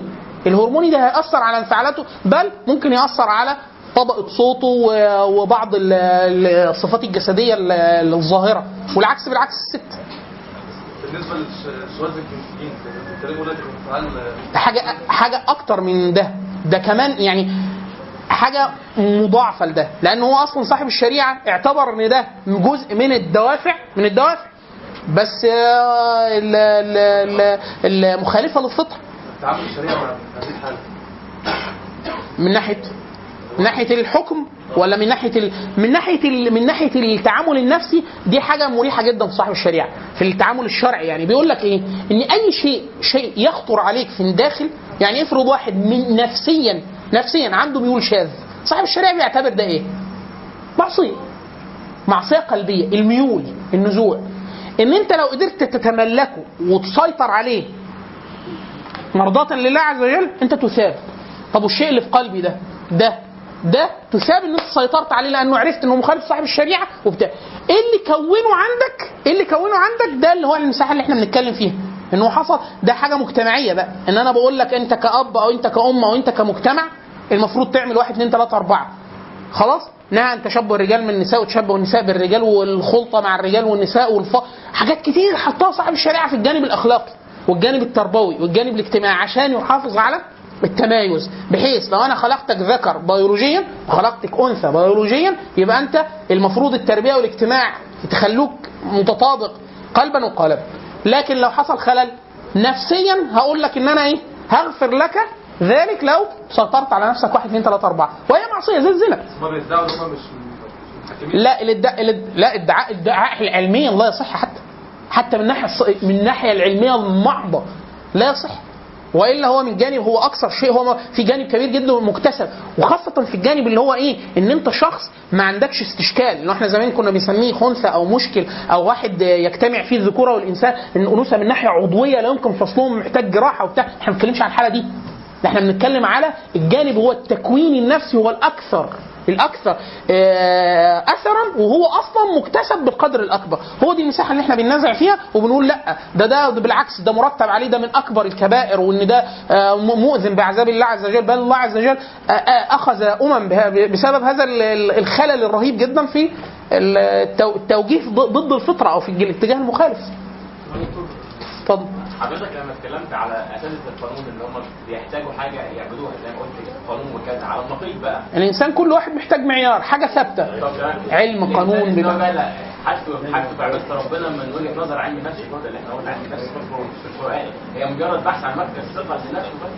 يعني هو بيحتاج يعبد ربنا بما إنه زيه زي بقية البشر هو بيحتاج عايز مركز ثقة بس لنفسه يعني أنت قلت الإنسان في طبيعته بيحتاج شيء يعبده. صحيح. قانون كذا بيعبد. حتى يعبد هواه. فرأيت من اتخذ إلهه هواه. طب ماشي استوي بقى اللي بيعبد ربنا على حق عبادته آه، بمجرد ما يبقى مركز ثقة لنفسه بس. إن هو الدين يبقى مركز ثقة لنفسه؟ لا هو الدين أصلا جاي يعمل إيه؟ الدين جاي ينظم كل مناحي الحياة. اللي هو إيه؟ إيه مناحي الحياة؟ علاقتك بالله علاقتك بالكون علاقه الكون بالله عز وجل. العلاقات خلاص؟ فيجي صاحب الشريعة بيقول لك إيه؟ نفسك الوصف الصحيح ليها 1 2 3 4 نفس التعامل البشري اللي هو قانون الاجتماع البشري بيحكمه 1 2 3 4 يعني إحنا مثلا نفس الكلام اللي إحنا قلناه نقدر نقول علم الاجتماع في القرآن أو قواعد الاجتماع البشري في القرآن أو قواعد علم النفس الاجتماعي في القرآن اللي هو إيه؟ ما وصف به الله عز وجل الناس في قواعد الاجتماع البشري. الاقتصاد ال ال اسمه إيه ده؟ ال- النظم السياسية أي حاجة عشان كده إحنا دايما نقول ما من فعل كل أفعال المكلفين لا يخلو فعل من أفعال المكلفين من حكم الله عز وجل علمه من علمه وجهله من جهله. كل مساحة مش اللي مساحه إحنا بسبب إن إحنا بس كنا مركزين إن إحنا عايزين نعمل تركيز شوية على مساحة الانش... اللي الأوامر المتعلقة بما يصلح النفس البشرية أو ما يصفها مطلق الوصف. حتى بيقول يعني مثلا لما رب العزة يقول لك إيه؟ خلق الإنسان عجولا. خلق خلق الإنسان آه، ضعيفا. آه، ان الإنسان خلق هلوعا. إذا مسه الشر جزوع ده مجرد ده إيه بيقول لك إيه؟ ده وصفك. واحد يقول لك إيه؟ لا أنا مش مش كده. لا هو أنت كده. أنت أصلا. يعني مثلا فكرة إيه قول الله عز وجل خلق الإنسان ضعيفا. أهل التفسير يقول ضعيف يعني لا يصبر على الشهوة. بعض المفسرين يقول لك ضعيف لا يصبر على النساء. فواحد يقول لك إيه؟ لا أنا ما لا ما الخلطة مع النساء لا تفسدني ولا بتاع كذاب. ليه؟ لأن الله عز وجل وصفك على عكس ذلك. عكس وصفك البيولوجي عكس كده. واحد يقول لك إيه؟ أنا يعني أنا لو معايا مليون جنيه أقول لا الحمد لله كفاية ما عاوز اثنين لا ده جزء من وصفك حب التملك والزيادة في التملك ولو مع ولو واجد يعني لو معاك فلوس. قال لك إيه؟ لو كان لابن آدم واديان من؟ ذهب. لابتغى ثالثا ولا يملأ عين ابن آدم إلا التراب. ففي جزء لما أنت تقول لي أنا ما أعملش كده أنا بقول لك إيه؟ لا تعمل. والمصحف تعمل ليه؟ لأن أنا هو أنا صدقك ولا صدق الله عز وجل؟ ألا يعلم من خلق؟ هو رب العزة وصفك على ما خلق عليه. اتفضل. على الانسجام مع طرح الدكتور. ممكن يبين فكرة والانتماء لا لا. أنا مش على فكرة الدكتور محمد عثمان نجاتي يعني حاجة حاجة كبيرة في مجاله. لكن إيه يعني هي الفكرة الاسلامه مش بأنهي طريقة؟ ما هو الاسلامه الاسلامه فيها كذا دي. في ناس اللي هي الطريقة دي يعني أهدى سبيل بكثير من غيرها. لكن أهدى طريقة إيه؟ الامتلاء الشديد جدا من الشريعة. الفقه والأصول والتراث الإسلامي حقيقة. وبعد كده م- محاولة إن يرجع خطوة ورا. خطوة ورا إيه؟ يعني ما يتعاملش مع مقرر سابق ثم يطابق معاه. خلاص؟ هيعمل حاجة كويسة. مش معناه يعني الدكتور محمد عثمان نجاتي ليه كتاب لطيف جدا اسمه مدخل إلى علم النفس الاسلامي خلاص؟ قال فيه كلمة كويسة جدا. بغض النظر هل هل التطبيق بتاعه أصاب ده ولا لا لأن الدكتور محمد عثمان نجاتي من أوائل الناس اللي كتبوا في ده. فيعتبر إيه؟ يعني الراجل دخل في مجال يعني كان بالنسبة لناس كتير جدا مقفول أو محدش بيتكلم فيه. فكرة إيه؟ إن أنا عايز عشان أسلم أسلمة حقيقية. أمتلئ جدا بعلم النفس الغربي. وإلا هتبقى أسلمة سطحية ركيكة جدا. ليه؟ لأن علم النفس الغربي ليه إنتاجات ضخمة جدا ومهمة جدا في حاجات دقيقة. منها الجانب الطبي. يعني من الحاجات اللي نجدت علم النفس من أيدي المدار مد- على الأقل المدرسة السلوكية مثلا آه، الطفره اللي حصلت في علم النفس المعرفي. ليه؟ علم النفس المعرفي خل رجع الانسان إنسانية الإنسان شوية. فكرة إيه؟ إن في جوانب لا جوانب متكاملة وأكثر دقة بكثير جدا من مجرد السطحيه السلوكية أو الاختزالية السلوكية. خلاص اللي حصل الطفره التقنيه في علوم الحاسب وعلم الأعصاب والنيورولوجي بالذات لا عمل طفرة كبيرة جدا في تقليل من تطرف علم النفس الغربي وهكذا. خلاص فالامتلاء بأدوات علم النفس الغربي دي حاجة كويسة بس الامتلاء بها إيه؟ من باب امتلاك الأدوات للفهم وليس للتبني. المقارنه أساسا جت ليه؟ لا المقارنة جت لأن تشابه تشابه مش هقول تطابق تشابه مساحات البحث. ده مهتم بإيه؟ بظاهره أنت بيقول لك أنت مكتئب. أنا بقول لك أنت مكتئب. إحنا نفس نفس السؤال. أنت داخل من أنهي حاجة؟ واحد يقول لك هندرس ظاهرة الاكتئاب. أنا بقول لك لا مش ده أول خطوة. مين اللي واقف قدامك؟ فتقول لي إيه؟ أهو أهو كائن حي. استنى لحظة. يعني إيه كائن حي؟ يعني ده إنسان طين وروح ولا ده زيه زي الفيل زي الشمبانزي زي ال ال ال الأناديل البحر؟ ولا ده سؤال الأول. طب إحنا كنا لسه بنتكلم إحنا كنا بنتكلم في الاكتئاب. إيه اللي جابنا الأناديل البحر؟ الأول قول لي مين اللي واقف قدامك. طيب إيه اللي بيزعله؟ إيه الموارد اللي بتا... إيه الروافد الطق... الحالة النفسية؟ فبقول لك إيه إيه الروافد؟ واحد يقول لك رافد كيميائي تماما. لو أنت عدت عدت له ال- الاتزان الكيميائي بتاع جسمه هينبسط وده صحيح. اديله حقنة. هيتبسط. بس أنا بقول لك إيه؟ ده بيسموه إيه؟ تفسير الاحادي. أو ان هو إيه؟ الانسان احادي البعد. واحد يقول لك لا لا هو متعدد. كيميائي وعصبي و... بس. وأنا عايز أقول وروحي والروح هو الاساس. وهكذا. فهي الفكرة في إيه؟ ان تط... اقتراب مساحات البحث هو اللي مخلينا نقول علم النفس الغربي والقرآن. ليه إحنا بنقول كده برضو؟ لأن الناس أقرب لعلم النفس الغربي من الكلام عن القرآن. نفس الكلام الكلام على الاجتهاد في الشريعة وفهم الفقه. يتقال في علم النفس. يعني الاجتهاد في فقه النفس الإنسانية فقه النفس. ينفع الكلمة دي؟ فقه النفس فقه النفوس. أنا ده بقى أظن إن في كذا واحد مؤلف في نفس العنوان. فقه النفوس. اللي هي فكرة إيه؟ إن النفس البشرية دي أنت عايز تتعمق جدا في فهم كلام الله عز وجل بما يصلح هذه النفس على الحقيقة مش إصلاح متوهم. وإلا في ناس كتير جدا بتتعامل مع علاج التحليل مع مدرسة التحليل النفسي بكل تحليل نفسي مدرسة ثرية جدا وإن كان عليها استشكال كثيرة جدا. لكن واحد يقول لك طب أنا جربتها ونفعت. يعني أنا كنت بعاني من كذا ونفعت. فإحنا دايما بنقول إيه؟ ليس الكلام على الفاعلية يطابق الكلام على الصلاحيه يعني أنا جربتها ونفعت ده ما يجاوبش على إن هي صالحة في ذاتها ولا لأ. ولا وصفها للنفس البشرية صالح في ذاته ولا لأ. ما أنا أنا مش بقول هنا مش بصدد إن أنا بقول صح ولا عايز دايما بيقولوا إيه زي الفكرة في إيه؟ آه ينفع أصلي من غير وضوء؟ قال له ما ينفعش يا ابني. قال له طب أنا جربتها ونفعت. يعني أنا جربتها أنا أنا إن أنا أصلي مجرد أقيم شكل الصلاة يعني أنا شكله بالنسبة لي خف. شكله خف. خلاص يبقى خف. أنا سؤالي هو يعني إيه خف؟ فيقول لك يعني بيساوي. أربط على دي. هو إيه حد السواء النفسي فأنت لو عرفت حد السواء النفسي إن هو يعيد التوازن الكيميائي بتاعه مظبوط وبتاع وحالة الانبساط الأصلية ترجع ومش عارف إيه. فأنا بقول لك ماشي. أنا ممكن يكون حد السواء النفسي بتاعي إيه؟ العبادة والإيمان وحاجه تانية خالص. فتفهم فكرة المعيار؟ واحد يقول لك هو كان جاي لي متضايق واتبسط. وهو كان على معصية. كده على معصية وكده على معصية. أنا في نظري كمسلم ولا حتى مشتغل بالعلوم بعلم نفس من الناحية الإنسانية بقول لك إيه؟ هو لسه ما اتصلحش من الناحية النفسية. ليه؟ لأنه يعني نفسه مش سليمه نفسه مش سليم. نفسه مش مطمئن. عشان كده في ناس يقول لك إيه؟ والله ده الراجل ده بيعمل خير وبتاع ومش وحاسس بقلق نفسي. من أنهي معنى؟ قلق نفسي إحنا بنقول من الناحية الفطرية إن هو إيه؟ مش على مراد الله عز وجل يعني هو عايش مش مش ملتئم مع الفطرة اللي فطر الله عز وجل عليها. تمام؟ آخر سؤال عشان نختم عشان الوقت بس. ولو حد عنده سؤال أنا قاعد. بس عشان المجموعه يعني لو حد وراه حاجة أو كده قولي سؤالين. لو حد يعني لو حد عايز يتفضل اتفضل يا إخوان. لو إيه؟ لا ما هو مش للدرجة دي. لا ليه؟ ليه؟ ليه؟ ليه؟ لأن دي حاجة أنا يؤسفني إن أنا أقول لك كده. آه إحنا من كتر الخلل اللي طرأ علينا إن جزء من علم النفس الغربي أحيانا بيلتئم معانا. ليه؟ لأن علم النفس الغربي صادق ومجرب في بيئات شبه البيئات المختلة اللي إحنا عايشين فيها. فبقي ليه صادق على نفوس ناس مسلمين؟ برغم إن هو لا يقف على معيار صحيح. بسبب إن هم تم تشويههم لدرجة إنهم اقتربوا من المعيار ده. لكن ده لا يعني الصحة الدائمه يعني في واحد عنده اكتئاب. اكتئاب يعني عنده اضطراب حاد شخصيا وممكن يأذي نفسه ويأذي غيره وبتاع. لو راح لدكتور واداله مهدئات ومشي على العلاج مظبوط هيقل الاضطراب حالته حالته النفسية هتتحسن. ممكن. ده كويس. هو أنقذه مرحليا. صح؟ لكن أنا بقول لك السؤال الأعمق من كده هو وصل للحالة دي إزاي؟ المجتمع وصله للحالة دي إزاي؟ الحالة دي هتستمر معاه حاله العلاج ولا لا؟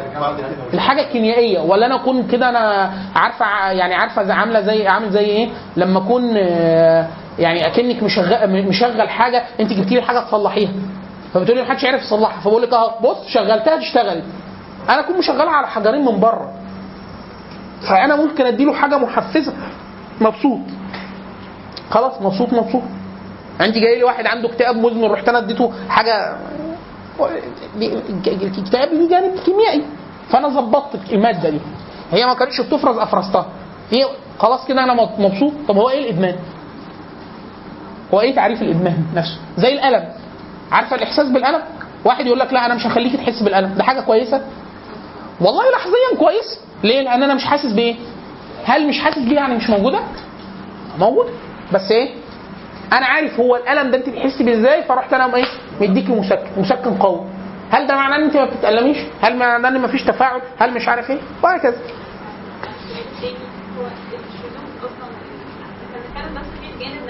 شذوذ آه آه بس هو في الحيوانات مش ده مش ده سؤالنا مش ده سؤالنا إحنا بنتكلم على ده في الطبيعة الإنسانية الطبيعة الإنسانية. ليه؟ لأن في إحنا إحنا كبشر في أشياء كثيره جدا لا تقاس. في ناس كتير جدا يقول لك أصل الفطرة السوية بتاعت كل الكائنات ومش عارف إيه وبتاع. إحنا لا ننكر إن في أشياء بيبقى ليها طبيعتين. إن هي ممكن يكون ليها رافد كيميائي وليها رافد اجتماعي وليها رافد نفسي وبتاع. لكن إحنا بنقول خلاصة الأمر لا دي فطرة منكوسة. فطرة منكوسة. هل إن في إن واحد إن آه، مجموعة كبيرة جدا من البشر تميل ليها. ده حاجة متصورة آه متصورة. أمال ذكر قوم لوط ليه في القرآن؟ خلاص؟ بل في آيات صريحة على العقوبات القديمة قبل العقوبات النهائية. فكرة السجن وكذا والعزلة وكذا في حالة ال- في حالة الشذوذ عند النساء عند الرجال. خلاص؟ فالقصد إن هو يعني فكرة عدم السواء ده فكرة متصورة حتى من ناحية الفطرة الإنسانية. إن هو أنا حد رب العزة ركب فيه شهوة. الشهوة دي ممكن توجه لأي شيء لأي شيء أي شيء. مش أي بني آدم أي شيء. فبس نهاه عن واحد اثنين ثلاثة أربعة. فمعنى إن هو نهاه معناه إنه إيه؟ ان ممكن أصلا هذه الشهوة توجه لده توجه لده. بعد كده أنا معناها ان هو ممكن توجه. فلو قامت في قلبي خلاص ممكن يكون ده وارد عليا شيطاني أو كذا أو حتى أنا. خلاص؟ بس أنا لو كفيت عن نفسي ده المطلوب. الحالة التانية بقى فكرة إن أنا بقول لأ أنا الناس تقبلني زي ما أنا كده وبتاع. إحنا بنقول ده ده كذب على الفطرة الإنسانية كذب على البيولوجيا. يعني مش تمام؟ طيب آه، سبحانك اللهم وبحمدك أشهد أن لا إله إلا أنت أستغفرك وأتوب إليك. هُوَ الَّذِي بَعَثَ فِي الْأُمِّيِّينَ رَسُولًا مِّنْهُمْ يَتْلُو عَلَيْهِمْ آيَاتِهِ وَيُزَكِّيهِمْ وَيُعَلِّمُهُمُ الْكِتَابَ وَالْحِكْمَةَ وَإِن كَانُوا مِن قَبْلُ لَفِي ضَلَالٍ مُّبِينٍ.